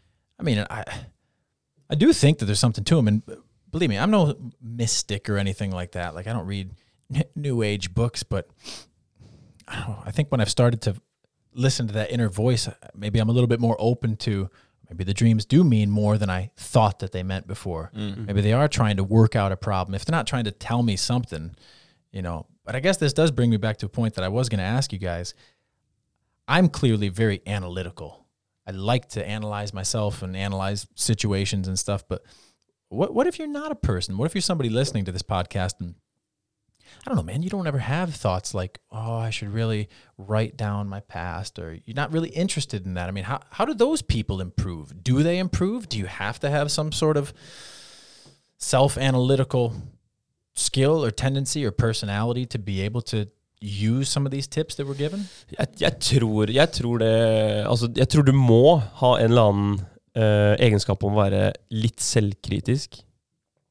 For jeg tror ikke du klarer å endre deg sjøl hvis ikke du vet hva du vil endre på. Da må du ha en krit Du må være din egen kritiker. Du må ikke la andre være det, men du må være kritisk for deg sjøl. Jeg tror det. Jeg tror du må, Mm. du må ha en, et eller annet forhold til å kunne skrive ned hva, hva jeg har lyst til å endre på, hva jeg har lyst til å bli bedre på, eller hva jeg har lyst til å kvitte meg med. Hva er det som holder meg igjen? Så ja, jeg tror faktisk du må sette deg ned og være litt analytisk. Du trenger ikke å være en, eh, en Newton eller eh, en eh, Travis Cornwell, men du kan, du kan skrive, og du kan på en måte ja, få fram poengene dine for deg selv. Da. Mm, hvis du ikke er det, så, så er det ikke noe å endre på, da. Da, da, da er du fornøyd med alt, hvis du ikke er din egen kritiker. Ja, men jeg, men jeg tror ærlig talt at hvis du er fornøyd med alt, Ja. så er det fordi du ikke har eh, Altså tilbake til, egentlig til målsetninger, da. da. Da har du ikke satt deg noe ordentlig mål, tror jeg. Hvis du er fornøyd med alt, Mm. Så er det sånn eh, Altså, jeg, jeg tror jo kanskje et godt tips til de som ikke er så analytiske.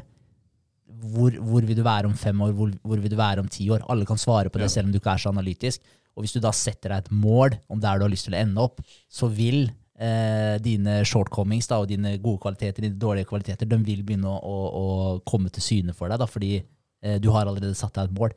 Og da vil du Men da må du analysere. Da Da blir du jo automatisk litt mer selvanalyserende. Definitivt, ja, du blir det, men det blir på en måte i stedet for å sette deg ned og analysere, analysere deg nå, så kan du heller ok, sette deg et mål. Så tror jeg den eh, analytiske Kommer effekten naturlig. av det vil komme naturlig. Ja, for da, da er du nødt til å begynne å analysere for å faktisk se hvordan kan jeg komme meg fram til det målet. Ja. Så jeg Så tror er kanskje det er en god start. så er det litt, eh, hvis du allerede har holdt på litt, da. Stoppe, se ok, hvor langt har jeg faktisk klart å komme, da.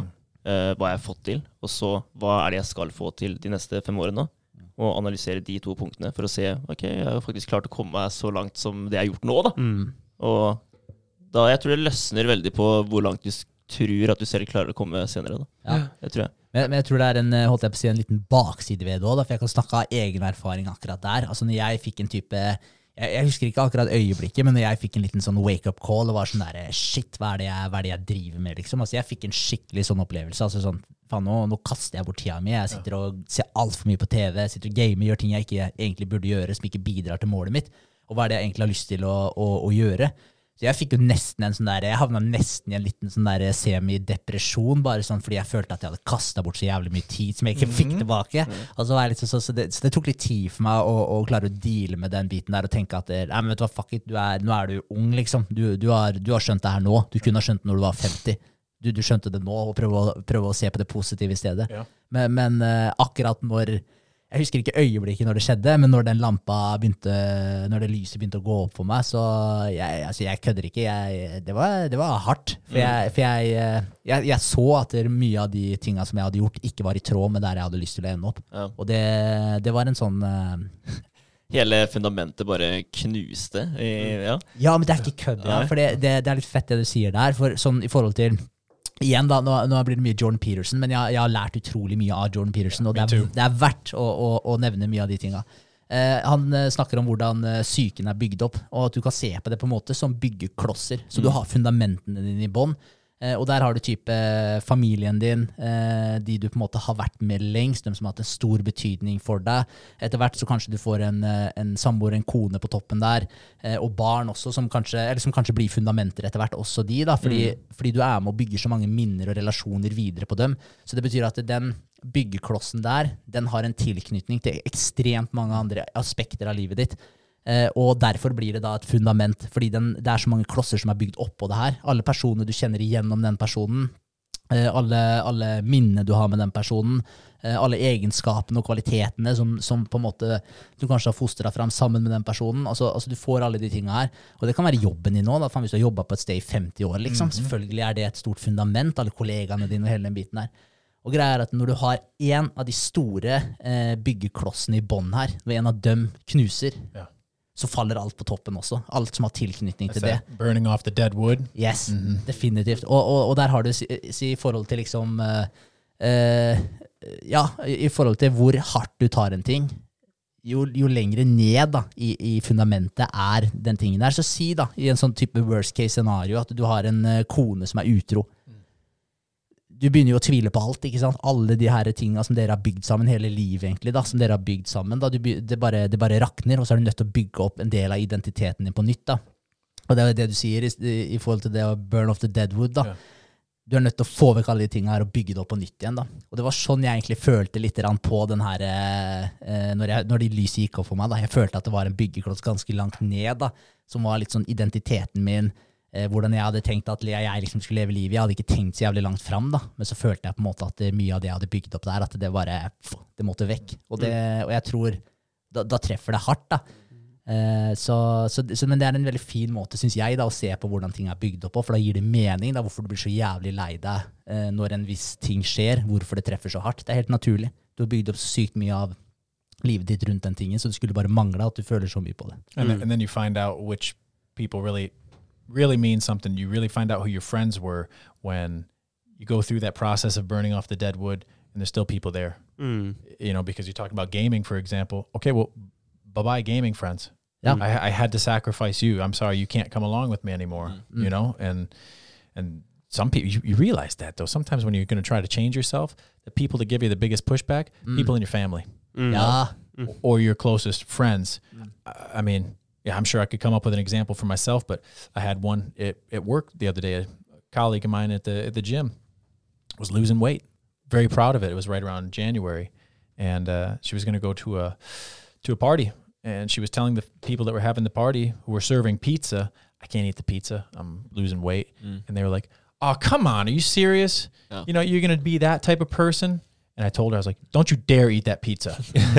you know, I'm not one for telling people what to do, but do not eat the pizza because those people told you to. I was like, those are not your friends. Mm-hmm. Mm-hmm. Those are people that are good acquaintances that like to hang out with you when it fits them conveniently. You know, you, you could afford to burn off that dead wood because they're clearly getting mm. their claws in you and trying to pull you down to their level. And Don't be a party pooper. oh my liksom. god! but Ja. I, uh. I think when I have a lot of hope for the future because of things like this. Like we talk about these people that might not have the analytical skills, but uh, when they hear people talking openly about this stuff, where hey man, I was down in the dumps, I had all this shit that wasn't making me happy, but I managed to change it. It'll connect with somebody, Mm. and you know, like I said, I got less than hundred followers. If there's one dude that looks at that and like one of the things I write and thinks, yeah, that's right. I'm gonna I'm gonna change my life for the better, or just like you guys with the challenges, man. The challenges are fantastic, especially this one, reading. Mm. Most people can read Ja, in, in this country of your followers. I bet they all can read, Mm. you know, and you don't have to take these big steps. You don't have to be a high performing person. You can be totally average. You can be below average. Like there's there's still hope. I mean, otherwise there's no way that Jordan Peterson would have been as popular as he has. He said something that's connected to people. I think people want the struggle. I think people want to have some sort of deeper meaning in in their life and maybe you don't have to have an analytical skill set to do it. You just have to listen and be open for it and then act upon it once you've Mm. once you've received it, you know. Ja, det er veldig sant. ass. Utrolig bra sagt. Det var veldig Veldig. bra sagt. Og jeg tenker også etter i kveld så har du definitivt en eh, følger til eh, Travis. I need two. I need Yeah. two, and then I'll get over a hundred, and then I think I get access to different insights on Instagram. So uh, Ja, veldig bra.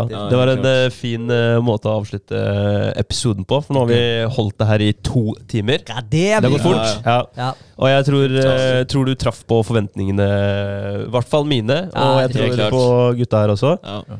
Veldig Du bra. fin fyr, ass. that's good because I'm, I'm, I'm no, like I told you, I'm no expert at, at anything, man. But I'm really, I'm really pleased with the progression that I've had in myself, and I just know other people can do it. It's like I forgot the guy's name again, but selling the houses. Mm. When he said anybody can do it, I was like, "You're damn right, anybody can do it." Yeah, man, I can do it too. Yeah. I mean, people really should have a little bit more Mm. belief in themselves, and I Ja. hope they do after this episode. Definitivt. Mm. Fett. Ja, Takk dritbra. for eh, praten. Yeah, Takk for praten. Thanks for letting me come.